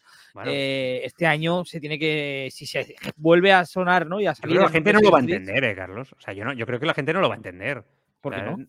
¿Por qué no? Porque es muy difícil hacerle entender a la gente que, que todos los años la situación económica Claro, pero palancas, palancas, venga, vender activos, vender activos. yo creo que la clave ahora es decirle a la gente que esto no es una palanca, sino que es un acuerdo estratégico, ¿no? De cara al futuro. A lo mejor yo creo que pasa más por ahí, La estrategia de las palancas, yo creo que cuando acabó 2022 acabó con las palancas, ¿no? Las palancas se acabaron y más con la, nueva normativa de la liga. Pero un acuerdo estratégico, que es como lo vendió el Madrid. Eh, Sí, estos son ingresos. no sé si es así, es así, realmente, ¿eh? yo lo desconozco. Bueno, estos son, son. Eh, tú lo que haces es ceder la explotación de algo a otra persona que te paga un dinero que lo va a explotar creyendo que va a ganar el doble de lo que te ha pagado. O sea, no, no tiene más secreto que esto. O sea, es, así. Pero yo creo que el Barça lo que tiene que asegurarse al máximo es de mantener su máximo patrimonio. Eh, e, está, está, bien la cesión de, pero ahora voy a poner un símil que algunos se van a reír, pero el Frankfurt del Camp Nou se la cedo al señor X durante una concesión y quizá me paga un dinero, me paga un alquiler, etcétera. Vale, pues esto imaginaoslo a lo grande. Evidentemente esto está bien, ahí no hay un problema, pero cuando tú estás cediendo parte de futuros ingresos del Camp Nou y el Palau, que es algo que aún estás haciendo, etcétera, no sé, eh, a una empresa que te va a pagar ahora un dinero, pero quizá dentro de 10 años, cuando todo eso ya está acabado, porque yo creo que esto va para una década, ¿no? Cuando esté ya perfectamente en funcionamiento, quizá esto cuesta más dinero y le puedes sacar un... ¿Sabes? Es que me da la sensación que, que, vamos haciendo con este tipo de movimientos financieros, eh, poniendo pedazos eh, para cerrar los números en positivos. Y que aquí lo que no se explica es, bueno, el Barça sufrió una pandemia, que eso afectó, evidentemente, yo creo que es evidente. No es la justificación para José María Bartomeu y su junta. No, aquí por lo menos no pensamos así. En otros sitios piensan eso. Yo aquí, os he hablado muchas veces, que creo que hay mala gestión por parte de los anteriores gestores de forma evidente y clara y que en eso Laporta y su gente tiene toda la razón del mundo. Ahora bien, que esto no se acabe convirtiendo en el modus operandi de gestión del presidente Laporta. Ir vendiendo, ir vendiendo, ir vendiendo, ir vendiendo. Ir vendiendo y así voy cerrando en positivo. Oye, pero no, nos lo pueden decir ya. O sea, el club ya se ha recuperado. Eh, a, nivel de generación económica en el día a día? Yo creo que sí, ¿no? Yo creo que el Barça ya, no sé, eh, debería estar ya en una cierta normalidad. Quizá no lo mismo de antes de pandemia, yo creo que ninguna empresa está igual o la mayoría no están igual. Pero, hombre, mm, mm, para tener la necesidad de seguir haciendo palancas de estas y vendiendo activos para el día a día del club, pues a mí me parece. A mí se me encienden las luces de alarma y que lo expliquen y seguramente se me apagan, ¿no? Pero, pero sí, no, pero, fíjate, eh, a ti que el Madrid, por ejemplo, lo haya hecho, que insisto, el Madrid es un club, que tiene mucho dinero en la caja, ¿no? Y que no a lo mejor Ya. no tiene esas urgencias como el Barça para cuadrar números. Madrid no ha que hecho lo las operaciones que ha hecho con el No, no, Barça no, hace ya, no, pero, pero lo que te digo, pero este acuerdo con Seed Street, el Madrid también lo ha firmado, tú lo has dicho antes, ¿no? Entonces, que el Madrid lo haya hecho, a mí me da la sensación de que realmente puede haber algo beneficioso y que sea No, estratégico. y no, que no claro, sea- son empresas que expertas en Que, quiero decir este que, no estén buscando tanto cuadrar esos números, sino que digan, bueno, ahora ya tenemos esto cuadrado, ¿no? Dentro de cabe, vamos a buscar cómo explotar el Camp Nou. Mm. Vamos a ver qué han hecho otros equipos, ¿no? Que hayan estrenado campo o que estén a punto de estrenar campo, ¿no? Como en el Mm. caso del Real Madrid o de otro o de otros. A lo mejor el Barça ha seguido un Vale. poco el patrón. Yo esto lo desconozco porque el marketing deportivo voy con lo No, no, no, no, no, és bueno. que no, no, però és que són temes que ja ho vam dir l'any passat que, que no ens preparen ni ens preparem per, per al final és que és, és impossible tocar-ho tot, parlar de futbol, parlar de finances, dret, és molt complicat. El Sergi Escudero al diari Ara també explica que la porta, el president Laporta, no és, no és definitiu, eh, segons aquesta informació, però està estudiant incloure a Barça Televisió a dins de Barça Studios, que fixeu-vos que tots els moviments van en aquesta línia, no? A dins de Barça Studios per convertir-lo en una nova palanca al gener.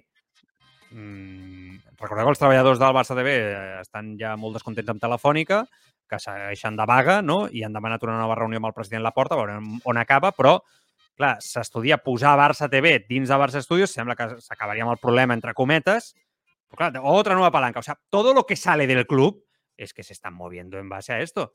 O sea, que están buscando generar eh, dinero, dinero, dinero, dinero, dinero con, de forma constante i, i evidente, no? Jo, jo crec que com, totes les informacions van en aquesta línia. Bueno, ja veurem on acaba, perquè, insisteixo, això són informacions que van sorgint, que la nostra responsabilitat és explicar-ho i, evidentment, fer seguiment en els dies dies de, de tribuna i a partir d'aquí doncs, eh, anem extraient conclusions, com sempre fem al, al programa. Eh, una altra notícia així en caire institucional, el de TV3, eh?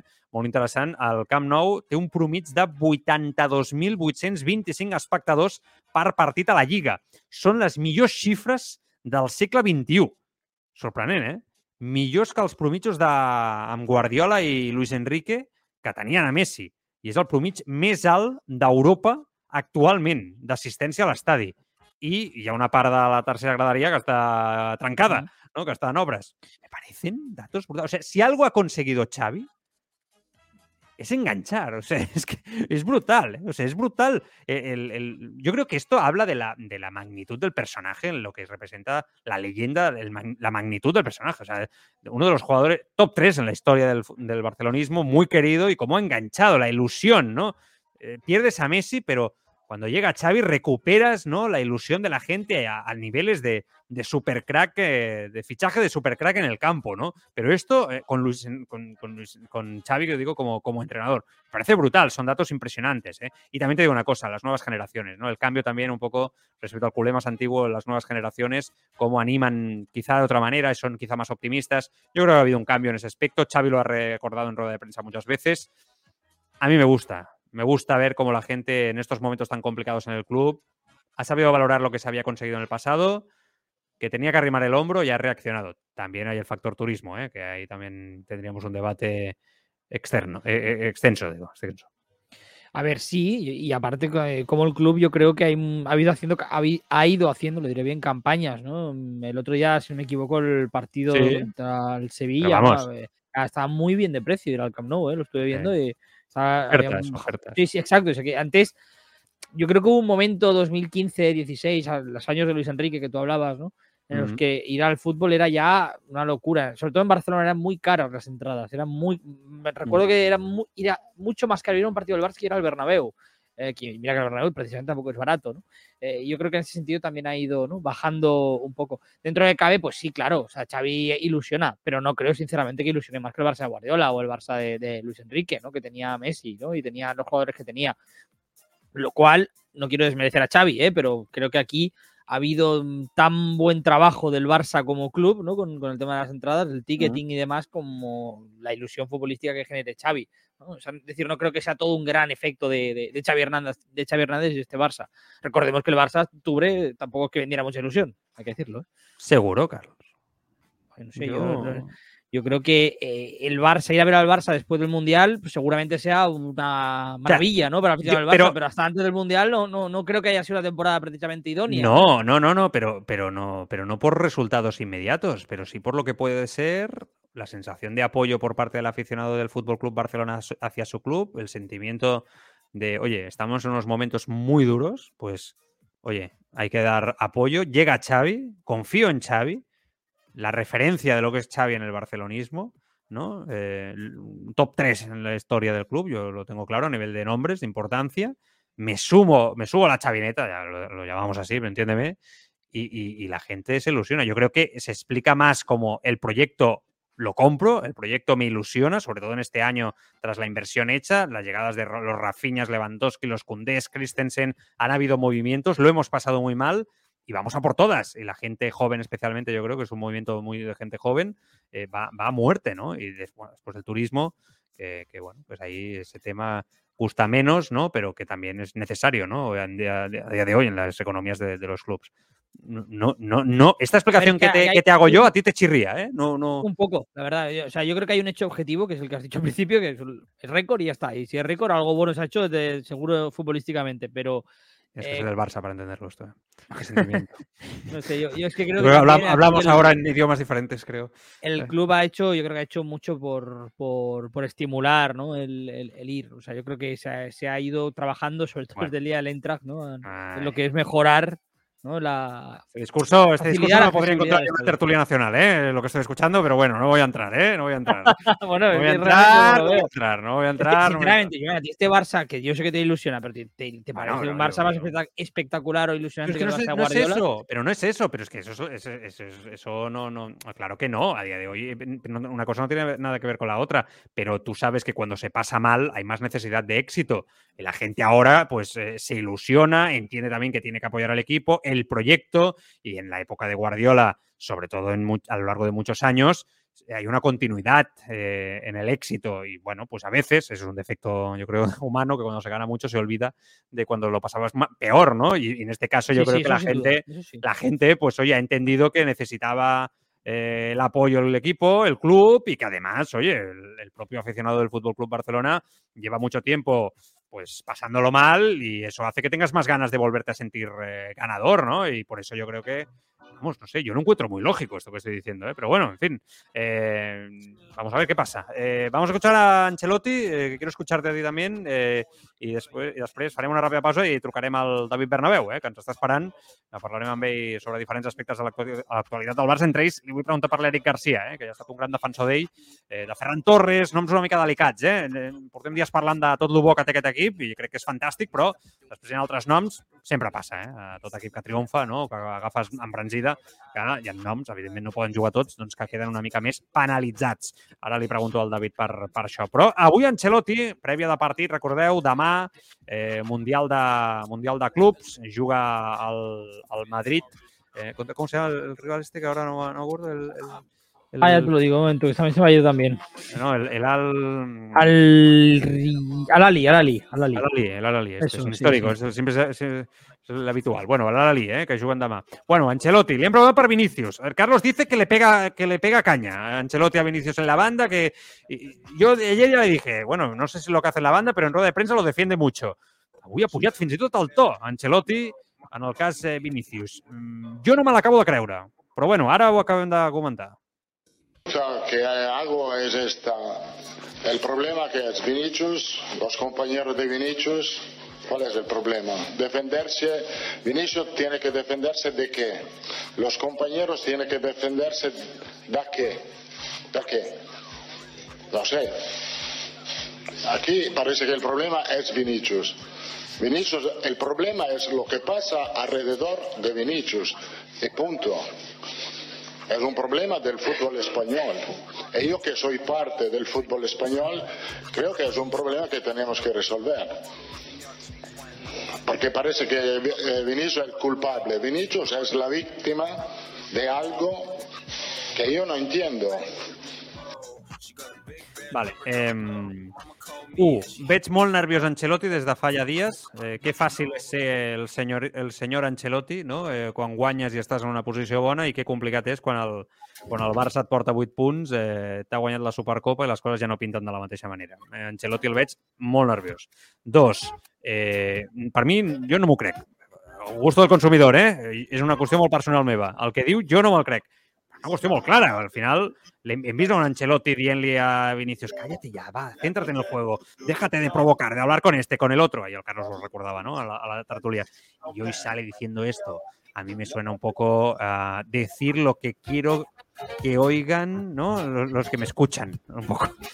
La sensación que voy a, voy a decirles lo que quieren escuchar, ¿no? Fantàsticamente y, y, y no sé, al final parlar del futbol espanyol amb un problema Llavors hem de parlar de Dembélé, no? que també és un jugador que rep, de Rafinhas, del, eh, aquest del Betis, com diu Luis, Luis Enrique, que és boníssim també, que també s'exposa molt al seu futbol, no? Anem a parlar de Messi en el seu dia, de Cristiano Ronaldo, vull dir, perquè aquests jugadors se'ls ha de protegir sempre, es digui Vinicius o es digui Messi, és igual, sempre. El nostre discurs aquí no canviarà. Ara, que és un, quan diu és un problema de Vinicius, no, sí, sí, és un problema de Vinicius, no del futbol espanyol com Vinicius, no, és un problema de Vinicius, perquè una cosa és dir, protegim el jugador o sigui, el que no serveix és no, el seu futbol s'exposa molt, se li ha de donar. No. Jo ja, ja sabeu que jo mai he pensat així. Vull dir, l'àrbitre ha de protegir el jugador creatiu i l'agressivitat mai ha d'estar justificada, però un dia més torno a repetir el mateix. Em faig molt passat, sóc conscient. Torno a repetir. Vinicius té un problema de gestió, de provocació, d'educació, i que fa que ell es descentri als partits que, i que doni una imatge lamentable com a futbolista, eh, també jo, el Madrid, jo crec que li perjudica. I això, sincerament, crec que seria, es solucionaria en base si el senyor Ancelotti fes un altre tipus de declaració com el que acabem d'escoltar ara mateix. Crec, eh?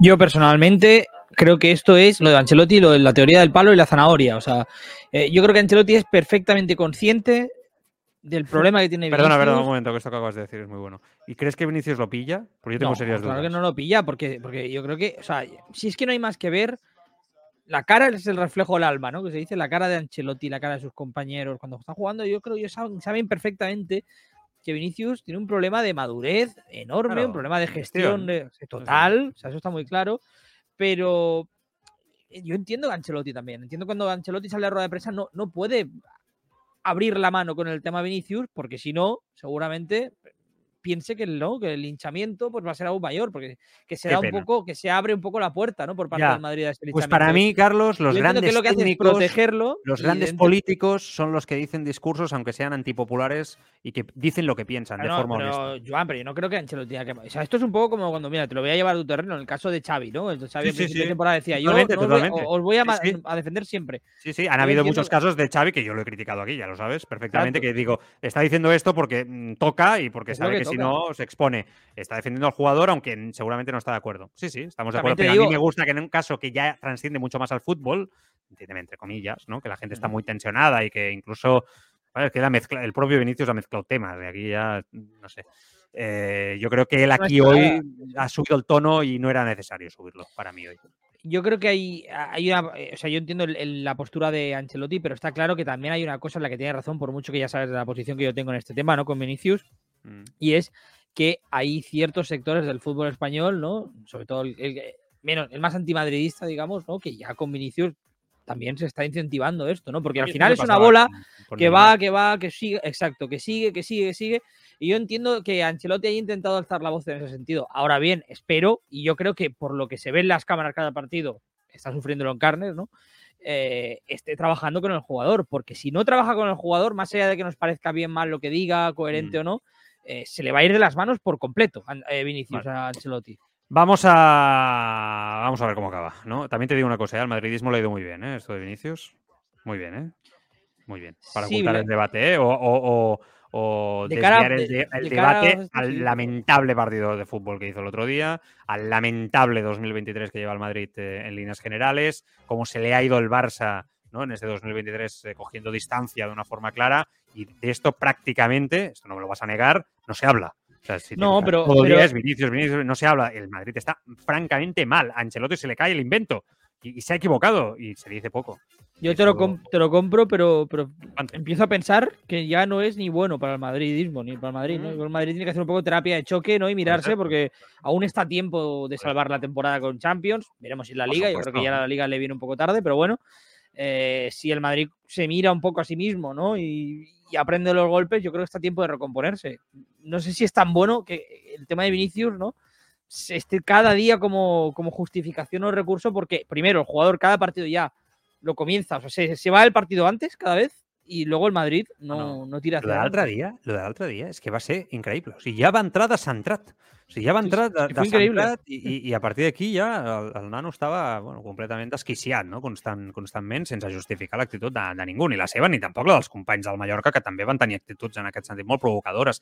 Però estàs, us asseguro que controlaven molt més el tempo que, que el propi Vinícius. O sigui, estaven molt més ells on volien estar que Vinícius. Això no, no tinc cap mena de, de dubte. Eh, anem a fer una ràpida pausa i tornem parlant fins al final del programa amb el company i amic David Bernabéu perquè li volem preguntar moltes coses sobre l'actualitat del Barça, una persona que, com sempre us dic, eh, cal escoltar perquè coneix eh, i domina el tempo de l'actualitat i l'entorn del Barça com ningú. Molts noms propis que tinc aquí apuntats a la llibreta per eh, comentar-li cosetes al David a veure què, què n'opina.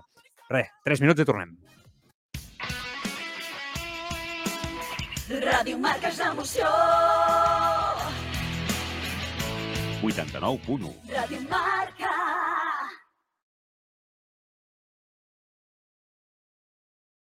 Panenca és la primera revista de cultura futbolística a Espanya. Des de l'estiu de 2011 s'apropa aquest esport des de vessants polítiques, socials, històriques i culturals, amb la voluntat d'explicar històries que s'allunyen del focus mediàtic i que van molt més enllà del que passa durant 90 minuts al terreny de joc. El futbol només és una excusa per apropar-se a altres realitats. Una revista en paper d'un disseny cuidat innovador que espera els més romàntics cada mes als principals quioscos i a Panenca.org. Panenca, el futbol que es llegeix. Respecte, rigor, professionalitat, valorar la feina dels metges, cuidar amb tot detall el pacient, Llibertat dels dos per triar i decidir. Per tot això i molt més, Assistència Sanitària és l'asseguradora més ben valorada pels metges. Assistència Sanitària, la millor segons els metges. Xavi, falta molt poc pel teu casament. Xaviot. I encara no t'has mirat el tratge de nuvi. Xaviot! I la resta dels homes no s'han mirat res tampoc. Xaviot, mare, mm. Xaviot. Ja he demanat hora. Estan al centre de Sabadell, amb un equip d'assessors que ens vestiran fins l'últim detall. Bé, ja estic més tranquil·la. Xaviot, vestim a nuvis i acompanyants. Passeig Manresa 32, a Sabadell.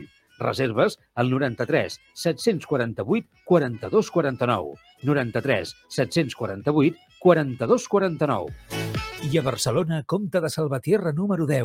Santi Enrique, concessionari oficial Nissan, et porta la nova generació del líder dels crossovers, el nou Nissan Qashqai, electrificat i amb etiqueta eco de la DGT.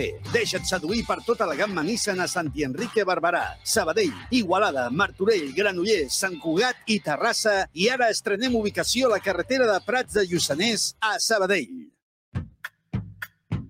Hola, Chevy. Cuéntanos, ¿qué es Chaviot Plus? Pues mira, Chaviot Plus es una tienda de moda de hombre situada en el centro de Barcelona, especializada en tallas grandes. ¿Y qué es lo que podemos encontrar? Toda la moda de hombre que puedas imaginar. Camisas, pantalones, tejanos, trajes de novio, todo en talla grande. Pero todo, todo. Absolutamente todo lo que puedas imaginar en talla grande para hombre hasta la talla 10XL. ¿Y dónde estáis? Pues mira, en el centro de Barcelona, a escasos metros de diagonal, esquina Vía Augusta, Conde de Salvatierra, número 10. Teléfono 93 748 42 49. 93 748 42 49 o más información en cheviot.com.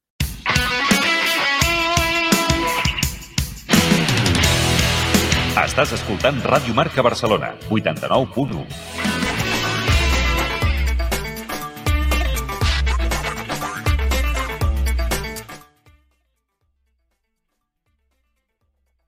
Joan, que està silenciat. Uh, seguim al Tribuna Marca. Ja sabeu que de tant en quant ens encanta anar xerrant amb l'amic eh, d'Esport TV, David Bernabéu, que ha dit moltes coses.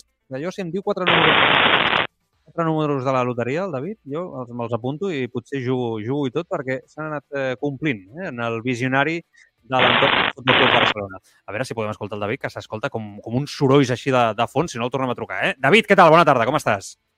Bona tarda, em sentiu bé? Ara sí, et sentim perfecte. et sentim perfecte. Et deia que em donessis 4 o 5, 5 números perquè moltes de les coses que havies dit en el programa s'han complint. Ui, em sembla que l'haurem de tornar a trucar, eh? perquè em sembla que hi ha algun problema per allà amb la cobertura eh, i, i bé, s'ha creat aquí un, un efecte bucle eh, amb, el, amb el David Bernabéu i el telèfon, això de barrejar a vegades eh, no? les taules i tot plegat, Ara parlem amb el, amb el David Bernabéu i, i, i bé, i a veure què, què explica sobre l'actualitat del Futbol Club eh, eh, Barcelona. Però és dir que a vegades el telèfon fa, fa aquestes coses i si no, escolta, el truquem per, eh, per línia habitual i a veure si, si per aquí doncs, eh, podem parlar ja fins a les acaballes del, del programa. Ja veig que el xat de Twitch la gent fa cachondeo, corto i cambio, no? ha sigut un momento un poco complicado, eh? sí, sí, la verdad es que eh, ha sigut una situació una mica complicada, aquesta connexió. Eh, jo crec que el David ens escoltava perfecte, no, no tant, en aquest cas, em sembla a mi, eh, eh, nosaltres a, amb ell, i fins i tot demanaria disculpes, perquè em sembla que ha patat fort, eh? Si anàveu al cotxe conduint i ho anat escoltant a la ràdio, jo crec que ha patat eh, bastant fort. A veure, David Bernabéu, bona tarda, com estàs? Ara sí de nou. Aviam, Joan, si ara tot va bé. ara sí, ara perfecte, ara perfecte. Bueno, com estàs? Estàs bé? Estic molt bé, estic molt sí? bé. Sí, Estàs sí, content? Sí, sí.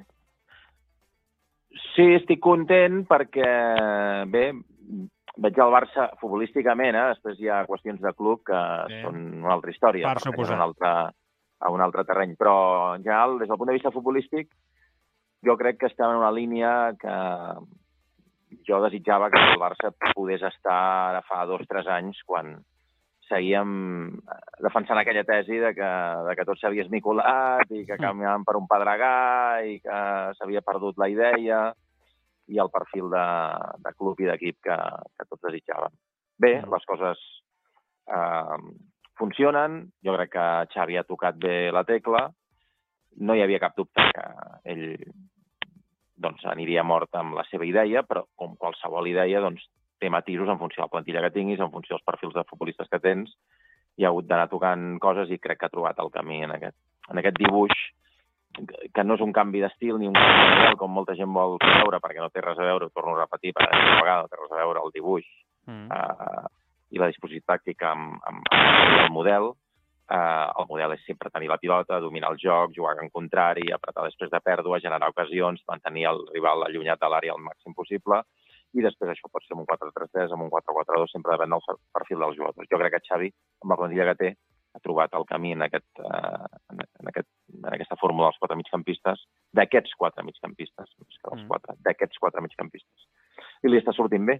I l'equip cada cop dona més sensació de no només dominar el joc, sinó de dominar més registres, no? La qual cosa el fa, el fa més complet.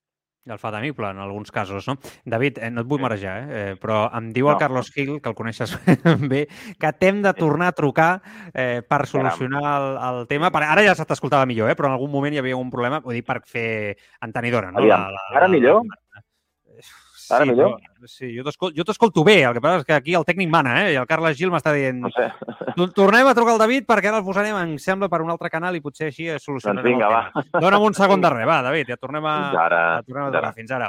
Eh, bueno, coses del directe, eh? Aquí estem amb el David Bernabéu, amb aquesta conversa, dient coses molt interessants, no? Sobre com, sobretot, el Barça s'ha establert amb una continuïtat, no?, en el seu joc, que és una cosa, amb el seu joc, és una cosa que nosaltres hem anat comentant, que el Barça donava destells de que les coses sí que realment, no?, s'estaven posant en, en el bon camí, però mm, pel que sigui no tenies aquesta continuïtat o aquesta sensació de continuïtat, veritat, en el, en el joc del, del Barça. I en canvi és veritat que en els últims partits sobretot, el, jo no diria tot el 2023, sí que és veritat que el Barça sí que ha, ha millorat no? en, aquesta, en aquesta línia i en aquesta faceta i és el pas endavant del que parlava Xavi, per exemple, l'altre dia en la roda de premsa, no? quan deia després de guanyar la Supercopa els jugadors s'ho han cregut, s'han vist que són capaços no? també de, de poder guanyar títols en aquest, en aquest sentit amb el Futbol Club Barcelona i, i això també és una qüestió molt, molt mental. De fet, ara al David li, li preguntaré no? sobre, sobre aquest aspecte, l'efecte mental del, del propi futbolista, del propi jugador.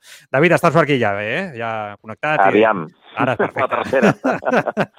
no, deia, deia jo que et volia preguntar, ara sí. jo estava fotent el rotllo aquí amb els sí. oients, però fins a quin punt sí. era una qüestió de manca de confiança mental dels propis jugadors en ells mateixos i que al guanyar el Madrid va trencar amb tot allò, David? Principalment és una qüestió de temps. Quan tu inicies un nou projecte, mm, comences eh, a portar i a dirigir un equip eh, en el que no has fet la plantilla, no has, no has pogut mm, dissenyar el perfil de plantilla que tu voldries, l'agafes a mitja temporada, l'agafes novè al campionat, l'has de posar segon, amb molta por a l'entorn, que el Barça fins i tot no es classifiqués entre els quatre primers i per tant no jugués la Champions l'any que ve. Sí. És a dir, és un procés llarg, jo sempre ho he dit, però no ho he dit des del moment en què Xavi agafa l'equip, ho vaig dir des del moment en què el Barça fitxa Koeman, després del 2 a 8. Estem al desert, no veig oasis a prop, venim d'una descomposició molt, molt gran, molt profunda, Mm. i crec que la gent s'ha de mentalitzar que això necessitarà un temps. La gent no té paciència. La gent es pensa que un temps són tres mesos. I en tres mesos no pots aixecar un cadàver que porta morint els últims sis anys. I que ha desatès moltíssimes coses i és, home, va ser colpidor veure un entrenador com Xavi reconèixer públicament que hi havia molts jugadors a la plantilla que no sabien, no en tenien res del tercer home. Totalment. Sí, sí. que és una qüestió mm, primera. absolutament cabdal i bàsica Sí, sí, de, la, de la manera d'entrenar dels jugadors que es formen al planter.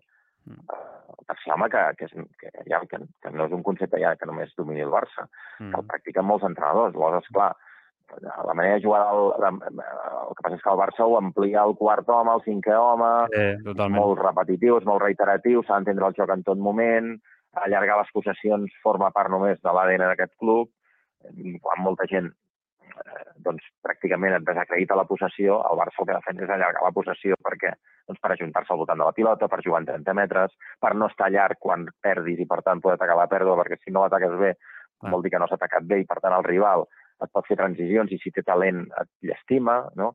I tota aquesta sèrie de coses que són molt fàcils d'explicar, que podem debatre tu i jo tranquil·lament jugant Mm, sí, sí. en 5 minuts, però que, però que posar-les en pràctica, Oh, aconseguir el clímax adequat, individual i col·lectiu, crear una família al vestidor, jugadors que siguin capaços, com deia Xavi l'altre dia, amb 84 de, de partit, guanyant mm, 0-2 a Sevilla, encara no t'havien fet el, Mm. encara que Condé no s'havia fet el gol en pròpia, Sí.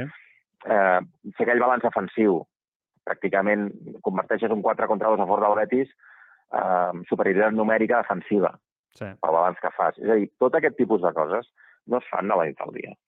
S'han de treballar moltíssim, has de tocar la tecla a totes les línies, eh, fixa't al que ha costat doncs, trobar un hàbitat eh, on, on Frenkie de Jong pugui semblar-se al gran Frenkie de Jong de l'Ajax, no? Eh, ha costat, ha costat. És a dir. Xavi el veia com un interior, un jugador que havia tenir paciència entre línies, perquè li veia arribada i per tant sabia, havia de ser capaç de girar-se, i resulta que Frenkie no ho entenia perquè Frenkie de Jong eh, doncs, excel·leix quan ve a la base de l'acció, quan veu el futbol de cara, etc. No? Ara ha trobat l'hàbitat perfecte, en lloc de, en lloc de jugar amb Sean, com feia l'Ajax, doncs juga amb, amb, amb Sergio Busquets, que, és, que evidentment és molt millor futbolista que John amb Sí. Sean a la pilota, però es complementen els dos, el que no té un té l'altre, el que no té l'altre té l'un, no? Mm. Uh, Frenkie, la, el, el futbol posicional de Busquets li permet fer aquestes excursions a les que ens té acostumats perquè sap, sap que juga perfectament amb xarxa. Sap que juga en xarxa i, per tant, eh, Busquets es queda. Busquets, com que l'equip juga més junt, doncs torna a ser dels millors futbolistes de la Lliga Espanyola, no? perquè en aquest, en aquest context és el millor, perquè té gent per jugar, molts abans, té socis a prop i, per tant, mm, la seva capacitat que passa bàsicament per pensar més ràpid que els rivals eh, o que els altres, doncs, doncs li permet desenvolupar el seu futbol i després això ha generat també més activitat al joc interior, als dos interiors, no? El Ah. joc per dins dels dos interiors, que pràcticament en recordes en que clamàvem al cel, no? perquè el Barça Mm. per dins no acaba de trobar-se, Sí. doncs ara Gavi i Pedri tenen molt més protagonisme que teníem, a més a més arriben més a l'àrea, trepitgen més l'àrea, l'equip juga més junt, defensa millor perquè juga més junt, té Mm. una última línia que comença, jo crec que a perfilar-se com una de les pròximes millors últimes línies d'Europa, Mm. siguin Valde, Araujo, um, Christensen, uh, Koundé, Sí, sí, impecable, eh? físics que confien, que confien molt en, en, el, en, en córrer cap endarrere per Mm. guanyar línies i corregir qualsevol transició al rival, que a més a més aporten en atac, que guanyen duels, Mm. que són competitius, que mm, corren bé cap endavant i cap endarrere, apreten molt a l'equip, eh, això permet jugar amb la línia mm, tirada pràcticament al mig del camp. És a dir, clar, tot això és un procés de temps. Jo crec que bàsicament el problema és que hi ha temps. El que passa que, clar, com que necessites temps, però Ja. has d'anar aconseguint resultats, quan no s'aconsegueixen els resultats, doncs arriba la falta de paciència, la gent es posa nerviosa, fas un gra massa de qual, qualsevol situació que, que es pugui produir i al final doncs tot sembla, o sigui, fa, fa, eh, fa quatre, aviat farà quatre mesos el Xavi que Sí, sí. al Bernabéu. Sí, sí. I, I la sensació que teníem és que, bueno, i quantes vegades hem llegit a les xarxes Xavi out, Mm. Xavi no valia pràcticament, no, no Mm. valia per entrenar, saps? Eh, S'havia de començar a pensar en Luis Enrique, s'havia de començar a pensar en un, en un hipotètic recanvi. Eh, ell, eh, això va comportar que l'entrenador fins tot públicament digués escolta'm, ja sé que si no guanyo, doncs hauré de passar al costat i anar-me'n. Mm. Bé, doncs es genera tot aquest caldo de cultiu, no? I al final l'únic que val és, és, és el temps, tenir paciència, com s'ha demostrat en tots els grans bastos de la història. Totalment. És a dir, eh, no tant amb el de Guardiola, però vull recordar que Guardiola comença per la història, Sí. comença, comença empatant contra el Racing, semblava que havia, havia de- d'entregar el carnet d'entrenador perquè tampoc valia.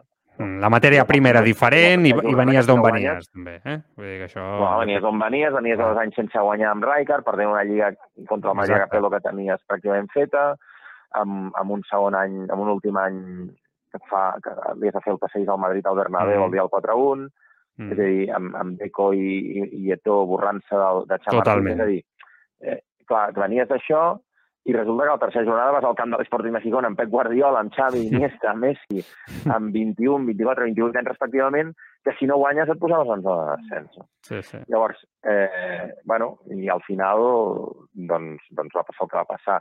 Amb el Barça Rijkaard igual, el primer any Mm. eh, jugant UEFA contra el Matador Pujo. Horrible, te'n el recordes? Celtic de Glasgow. Fins als 4 o 5 mesos allò no va començar a funcionar mínimament, fins a l'arribada de Davids, no? que és una mica el punt d'inflexió d'aquell És d'aquell que, és que Joan t'elimina el Celtic de Glasgow. Totalment, El sí, és de. Glasgow, a vuitens Sí, de final de la, del, del camí a Göteborg. No? Sí, sí.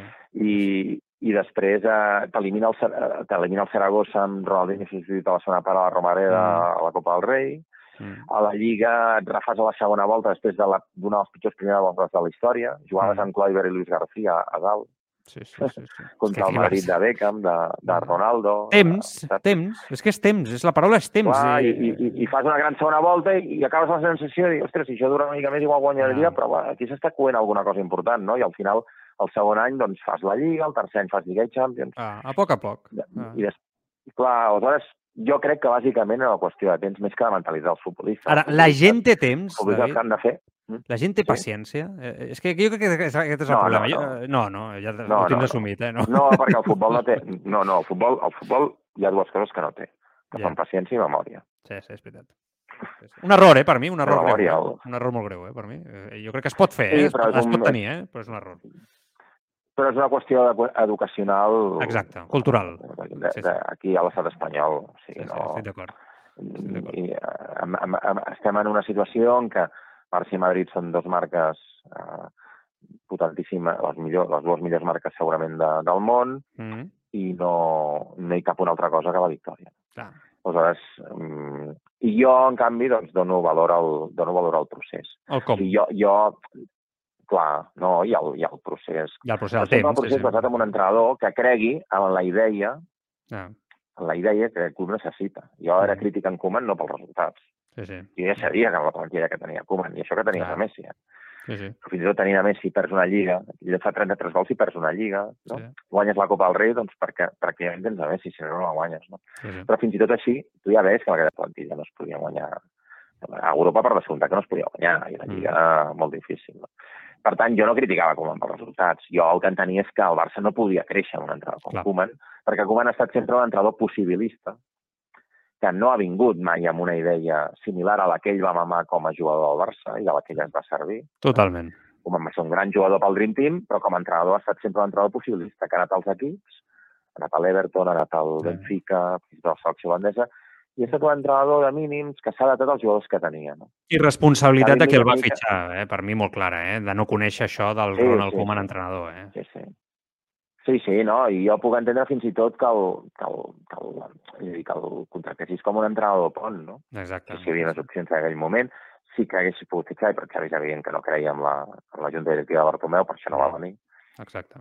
va venir mitja temporada en aquell moment, però, però jo entenia, és a dir, jo, jo vaig aplaudir algunes coses de, de les que va fer Koeman. No? Mm. per exemple, doncs, va haver de ser el portaveu molt difícil, per altra banda, en un moment en què el no tenia president. Totalment. Jo aquella carta que Koeman surt un dia en una roda de premsa Jo. i llegeix la carta i se'n va sense emetre preguntes, jo aquella carta, en essència, la comparteixo. Sí, sí. En aquella carta explica, escolta'm, no estem per guanyar. No som el Barça que érem. Un cop de no realitat. podem vendre que guanyarem títols i que Totalment. farem coses a Europa. Per Totalment. tant, hem de créixer amb els nanos joves, tenir paciència. Jo tot això, jo mm, l'aplaudeixo i la comparteixo. Ara, no ho hem de fer amb tu, Ronald. Ho sento molt. Ah, No ets l'entrenador idoni. Ha de venir algú que torni a l'essència i que realment sapiguem que és un malalt de la idea. sí. I Xavi ho demostrat que ho Tu, a és. partir d'aquesta malaltia, la matises. Clar. La matises i, ostres, si, si vols jugar amb dos extrems oberts i te n'adones que no tens extrems Mhm. prou responsables... Retocs i que tens els que vulguis. I que que se sí. tira, Clar que doncs ja sí. està. Doncs canvia un extrem per un migcampista. Va, Clar, que a mi tampoc em sembla bé, David, la gent que diu, no, el 4-3-3, si surts del 4-3-3 més pur amb dos extrems i tal, hòstia, això ja no, ja no és ADN Barça. I diu, no, no, clar, Sí, bueno, ja, ja. aquest és un problema d'entendre l'ADN Barça. Hi ha un altre, hi ha un altre, hi ha un altre latiguillo d'aquests, que és que eh, els, eh, ens, ens, ens acusen els que defensem aquesta manera de jugar que no acceptem el contraatac. O sigui, que quan fas un contraatac et diuen, què? Eh? També es pot jugar al contraatac, també es pot fer el contraatac. No, t'equivoques, és que una cosa és, una cosa és fer un contraatac i aprofitar Mm. l'espai que et deixa el rival, perquè tens una transició molt clara i per tant aprofites la velocitat dels teus futbolistes per fer-li mal al rival, intentar marcar un gol, i una altra cosa és jugar al contraatac. Sí, sí. Sí, no té res a veure una cosa amb l'altra, de fet. Sí, sí. Ah, i és el que no, el que no accepto, el que no accepto, que és el que deia moltes vegades Xavi quan li preguntaven per Simeone. No? Mm. Xavi no, no parlava malament de Simeone. Considera que és un gran entrenador Mm. i que ell té una idea que li ha funcionat no? durant molts anys a l'Atlético. Xavi el que diu és que la idea que té Simeone per un equip gran sota el seu punt de vista, doncs, per exemple, el Camp Nou no s'acceptaria. Mm. I és veritat. Jo crec que al Camp Nou la gent no acceptaria que el Barça Totalment. jugués molts Ho diu la història, totalment. cedint iniciativa al rival, cedint l'espai al rival i, i amb un bloc baix. No ho acceptaria. Això és jugar al contraatac, no? Vius de l'error del rival i Sí, sí. aprofites la velocitat per fer un contracop. Està claríssim. No, escolta'm, el Barça Guardiola va guanyar molts partits fent contraatacs, Mm. saps? Vull dir, jo recordo un partit que guanya el, a Cornellà contra l'Espanyol, una 5, amb una exhibició de Messi, de Xavi, d'Iniesta, de Villa, Mm. i la major part dels gols són al contracop. Sí, sí. Per què? Perquè aquell dia l'Espanyol, entrenat per Pochettino, et ve a buscar dalt. És I aquí el valent, Barça ve a et buscar mata. dalt I Ah. genera un espai tremendo per les transicions. I I el clar, Barça tu et amb mata. aquell Messi Sí, sí. i amb aquells llançadors com Xavi Iniesta, amb Pedro, amb Vida, que també amb velocitat els mates. Ah, Però això no vol dir que Guardiola sortís per intentar defensar i sortir el contracop. És a dir, que clar, al final, el problema que tenim, Joan, és que moltes Mm. vegades defensem les nostres idees en fòrums. Sí, eh, sí, eh, sí, perquè aquí, aquí, per exemple, eh, tu estàs dient això i generalment jo, el- els integrants del programa, l'audiència general del Tribuna t'entén perfectament, però és veritat que a vegades vas a segons quin fòrums, eh, com tu dius, i et trobes amb arguments molt banals, molt bàsics i que només tenen Clar. un objectiu, que és el desprestigi gratuït i, i fins i tot eh, bueno, eh, amb, amb poc nivell, deixa'm dir-ho així. Eh? O sigui, llavors, a, a, a, haver d'entrar no, al debat futbolístic eh, no els interessa, no els interessa perquè saben que allà no tenen res, eh, res a fer, no? Clar, ells, per desprestigiar, per desprestigiar l'estil que tu l'estil futbolístic que tu defenses i que, per altra banda, el, el defensem, mm. bàsicament els que ho Sí, sí, fem, sí. perquè considerem que és la, és la manera Bueno, de la història. que més gran ha fet el Barça els últims És que- 35 anys, no? Totalment. A dir, això totalment. està claríssim.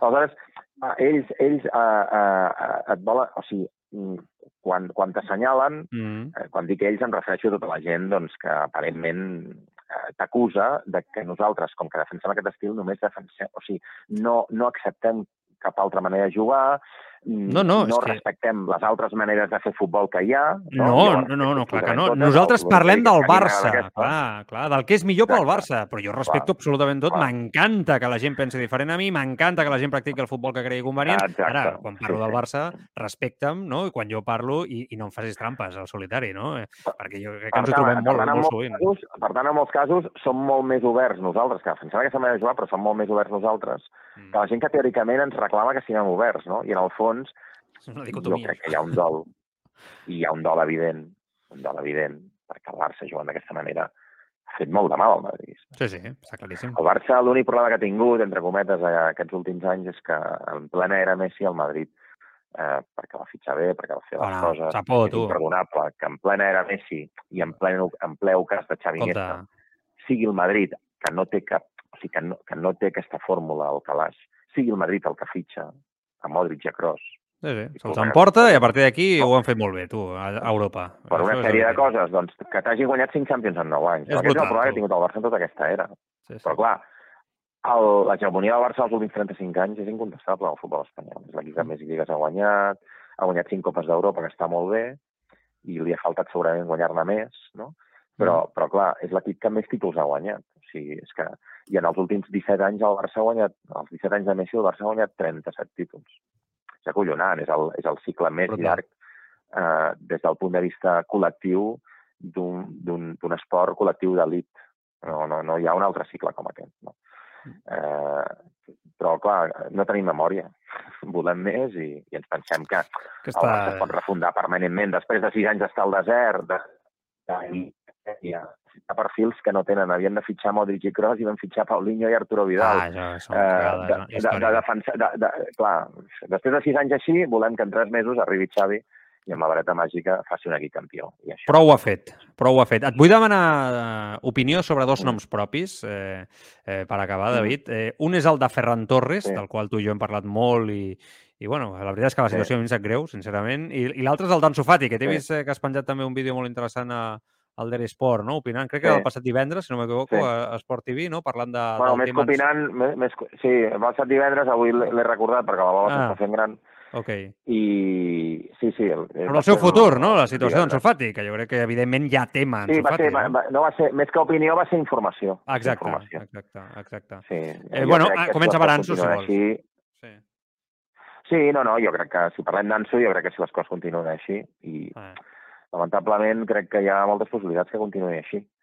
Primer perquè ell, quan, quan té oportunitats, sense estar malament, no acaba de ser el jugador referencial, Mm. doncs perquè li falten minuts, perquè no té continuïtat, perquè costa molt agafar la forma venint del que ve sense tenir 10 o 15 partits seguits, que segurament és el que ell voldria.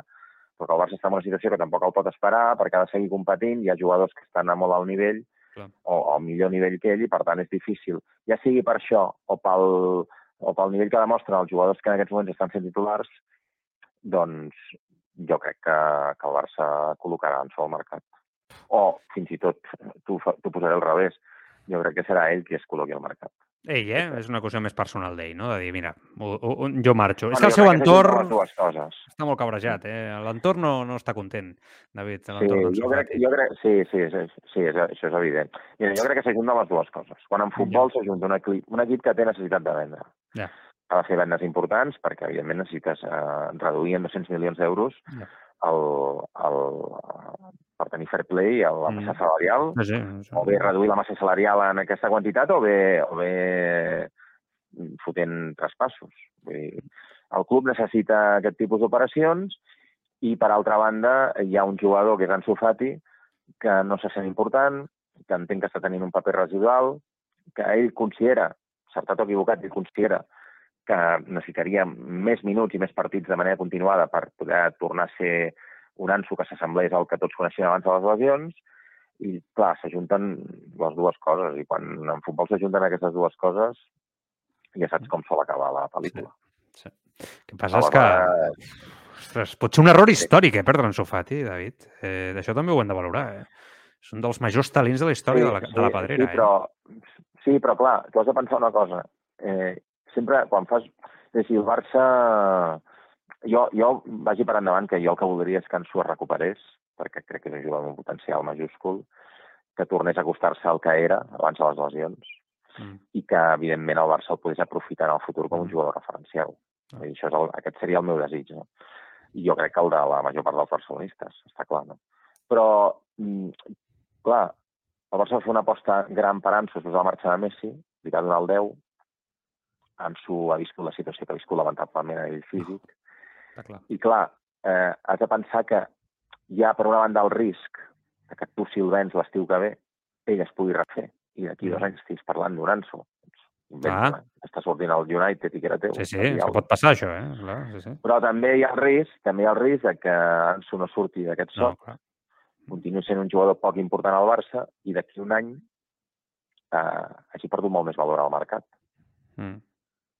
Perquè continua sense ser important, continua sense jugar els minuts que, vol, que, que, que ell vol jugar, i, i si vol marxar d'aquí dos anys, doncs eh, haurà perdut molt de valor. Però el sent tan jove, no ja creus, perdut, sent tan jove, David, no creus que mereix esperar o al marge? Tampoc t'ha costat diners, més enllà del sou que ja li has pujat i evidentment li has pagat un sou, no? Eh, Sí, però el eh, problema és que jo crec que, jo crec que això, això que planteges crec Mm. que valdria perfectament en una situació econòmica Ja, bullant. ja, totalment, sí, sí, això és veritat, sí, sí. sí, sí. Una situació d'estabilitat econòmica... La doncs, necessitat, Segurament evidentment, sí, sí. mm, l'esperaria molt de temps. Però si Sí, tu tens necessitat de, de vendre, Mm. clar, mm, ostres, o et comences a vendre actius de jugadors que estan sent molt importants, No, no, està ah, claríssim. vens, si et vens a Gavi, Pedri i Frenkie, soluciones no, el problema.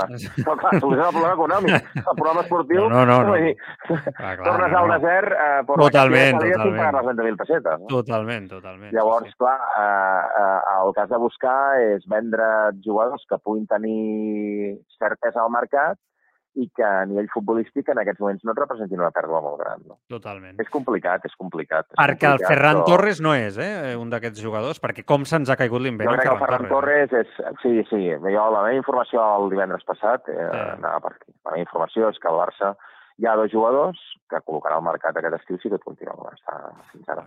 Un és Ansu Fati i l'altre és Ferran Torres. Aquest és més complicat, eh, per això, Sí, Ferran Torres. Per mi té menys mercat que Ansu Fati. eh? Hi ha una sensació de dubte generalitzada amb el jugador important, eh? En el mercat, jo intueixo, en el futbol europeu, no, David? Sí, no, aviam, jo crec que, jo, jo sincerament, crec que serà difícil col·locar-los els dos en una, eh, és a dir, en, en, en operacions d'avan- d'avantatge pel Barça, Sí. mm, si la cosa continua com, com fins ara, Està clar. saps? Està clar. Si la cosa continua com fins ara, perquè, perquè clar, dia que passa i dia que no juguen, el, el, el, el, el preu baixa. Està Totalment. claríssim. Però és una evidència, Joan. Eh, és a dir, eh, quants minuts ha jugat Ansu Fati els últims partits? Sí, sí, està claríssim. És un jugador de recurs que- eh, i, i no de primer recurs, està I, claríssim. i, i, hem, I hem de pensar que has perdut a Dembélé per un mes i Mhm. mig. Sí, sí. I encara així. I a part, dir, li- l'ha perjudicat, no només a ell, sinó a, a Ferran Torres també, l'ha perjudicat, l'ha perjudicat el, el quart migcampista. totalment, el canvi de sistema, estem d'acord. Està jugant amb quatre migcampistes, per tant, perds, perds un davanter, per tant, per, per tant, una plaça més. Si, a més a més, Rafinha mm, es va guanyar mica en mica la confiança de Xavi, Lewandowski és intocable, eh, és a dir, i Dembélé està per tornar d'aquí un mes i mig, jo no veig, eh, No, no. a no ser que hi hagi una plaga de lesions, que evidentment no ho espero, jo no veig... Ah, ah, en condicions normals, qual- no. No, no és, no, en condicions normals no passarà. Eh, ara, jo també, i quan penso en Ferran Torres, em pregunto, també tor tornem a una altra qüestió i amb això acabem, eh? però amb el tema psicològic, no? Eh, Perquè tàcticament jo crec que el jugador ho té tot per entendre el model, per adaptar-se al model. Li falta Sí, gol, no, no. això és cert, No, no, però sí, sí, ostres, sí, sí, és una qüestió de sí, coco, sí. A mi el Ferran Torres de la temporada passada m'agradava, jo el defensava. eh? Eh, eh, sí, jo el defensava perquè era un jugador que generava molt, que generava Sí, moltes sí, sí, ocasions, que es plantava molt cops davant del porter, després tenia més o menys encert davant del gol i va tenir, recordo aquell partit contra el Nàpols, no? que marca, però que hagués pogut gairebé fotre un pòquer, no? Si Sí. s'ha encertat. Però estava allà i, i era elèctric i generava moltes situacions i et rendia pràcticament a qualsevol posició, tant a la banda com de fals nou, et generava molt. Jo crec que ara és un nano que està passant per un problema anímic, no? Sí. que, que fa molt de temps que no li surten les coses, que, que ha baixat el rendiment i que ell, quan surt al camp, entre que juga poc, que no té molts minuts per revitalitzar mm. la seva posada en escena i que segurament doncs, el fet de que perdis confiança fa que cada cop que rebis doncs, pensis que no et sortiran les coses. Doncs jo crec que això l'ha conduït a un sot anímic eh, per descomptar molt més profund que el que pugui tenir Totalment. Ansu Fati. No?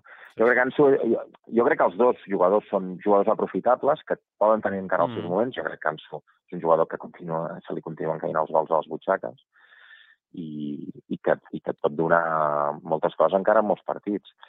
Però veig difícil que siguin titulars Mm. des Molt. fins a la temporada. Molt, I per tant això, doncs, mm, és, és evident que et porta a plantejar-se el seu futur. Està claríssim. No? Està clar. David, és un plaer, com sempre, escoltar-te. Gràcies per atendre el Tribuna, com és eh, habitual, amb, amb o menys eh, problemes telefònics, però al final ho acabem traient. Eh? Aquesta és la, No, Aquesta no, és escolta, cada vegada, cada vegada que em truques i parlo amb tu em reconcilio amb la meva essència, perquè, escolta'm, els matins, els matins que vaig a la sí, tribu... ja et veig, eh, ja et veig. Et veig una mica vegades- tens. A vegades eh, haig de fer una confessió, ni em reconec. Hòstia, sí o què? Sí, fins i tot tu dius, hòstia... passa? Sí, sí, què? No, però saps què passa? Que allà, ja l'he dit moltes vegades a Varela, eh? dic, Sí, allà, sí. Aquí Varela, o te pintes la carita Déu-n'hi-do, eh? Hòstia, o, o sales trasquilao. Aleshores, jo- clar, vull dir, És que realment, eh? Realment, al nivell de quan estàs tu, o sigui, la sensació des de fora escoltant la tribu és que hi han dos, tres que ja t'estan esperant, no? I a partir d'aquí és la, la Sí, tribu sí. contra Bernabéu, segons algun dia, no? Però bueno, eh, Sí, sí, defensa sí. dels honors, sí, sí, eh? sí, sí. Al nivell. defensa dels honors. Sí, sí, sí. Bueno, crac. allà estem, parant Exacte. Cuida't molt, eh? Una abraçada ben forta. Anem parlant. Vinga, Joan, una abraçada Vinga, per tots. Adéu, gràcies. Barcelona, que vagi molt bé. Gràcies. David. Adéu. Adéu-siau, adéu. El David Bernabéu, un dia més amb nosaltres, amic, evidentment ja personal, company, eh, ja sabeu que l'estimem molt aquí al Tribuna Marca i que sempre ens atén amb amabilitat i que sempre és important eh, anar escoltant-lo perquè té un discurs molt clar i, com sempre dic, té la capacitat per fer una lectura impecable ¿no? del que es l'entorn del Fútbol Club Barcelona. Carlos, ¿quieres leer algún mensaje rápido nos vamos? Pues mira, un par de mensajes, por ejemplo, de Sabio Culea, que decía, hay algo que nos ocultan, no están siendo del todo claros respecto a la situación económica que hablábamos antes, ¿no? En- respecto a bueno, lo que comentábamos. Y, sí, y Daniel. H. que me decía a mí, mira, año pasado, tal día como hoy, mira este año, el Barça es ilusionante por cojones. Y un último comentario de Navir Box que decía, al tiempo con Ansu, que lleva mucho tiempo con operaciones y eso es muy complicado. Venga, te, venga, Carlos, súbete la chavineta, que aún estás a tiempo, eh? Aún- Sí, aún vamos, puedes, sí. aún puedes. Tornem demà, demà, demà, demà, prèvia del partit entre l'Alali, l'Alali i el, i el Real Madrid, eh, que abans se'ns ha anat el, el nom i estarem per aquí, com sempre fem programa. Carlitos, cuídate, eh? Hasta mañana. Vinga, adeu-siau, fins demà, adeu-siau, adeu, adeu, adeu.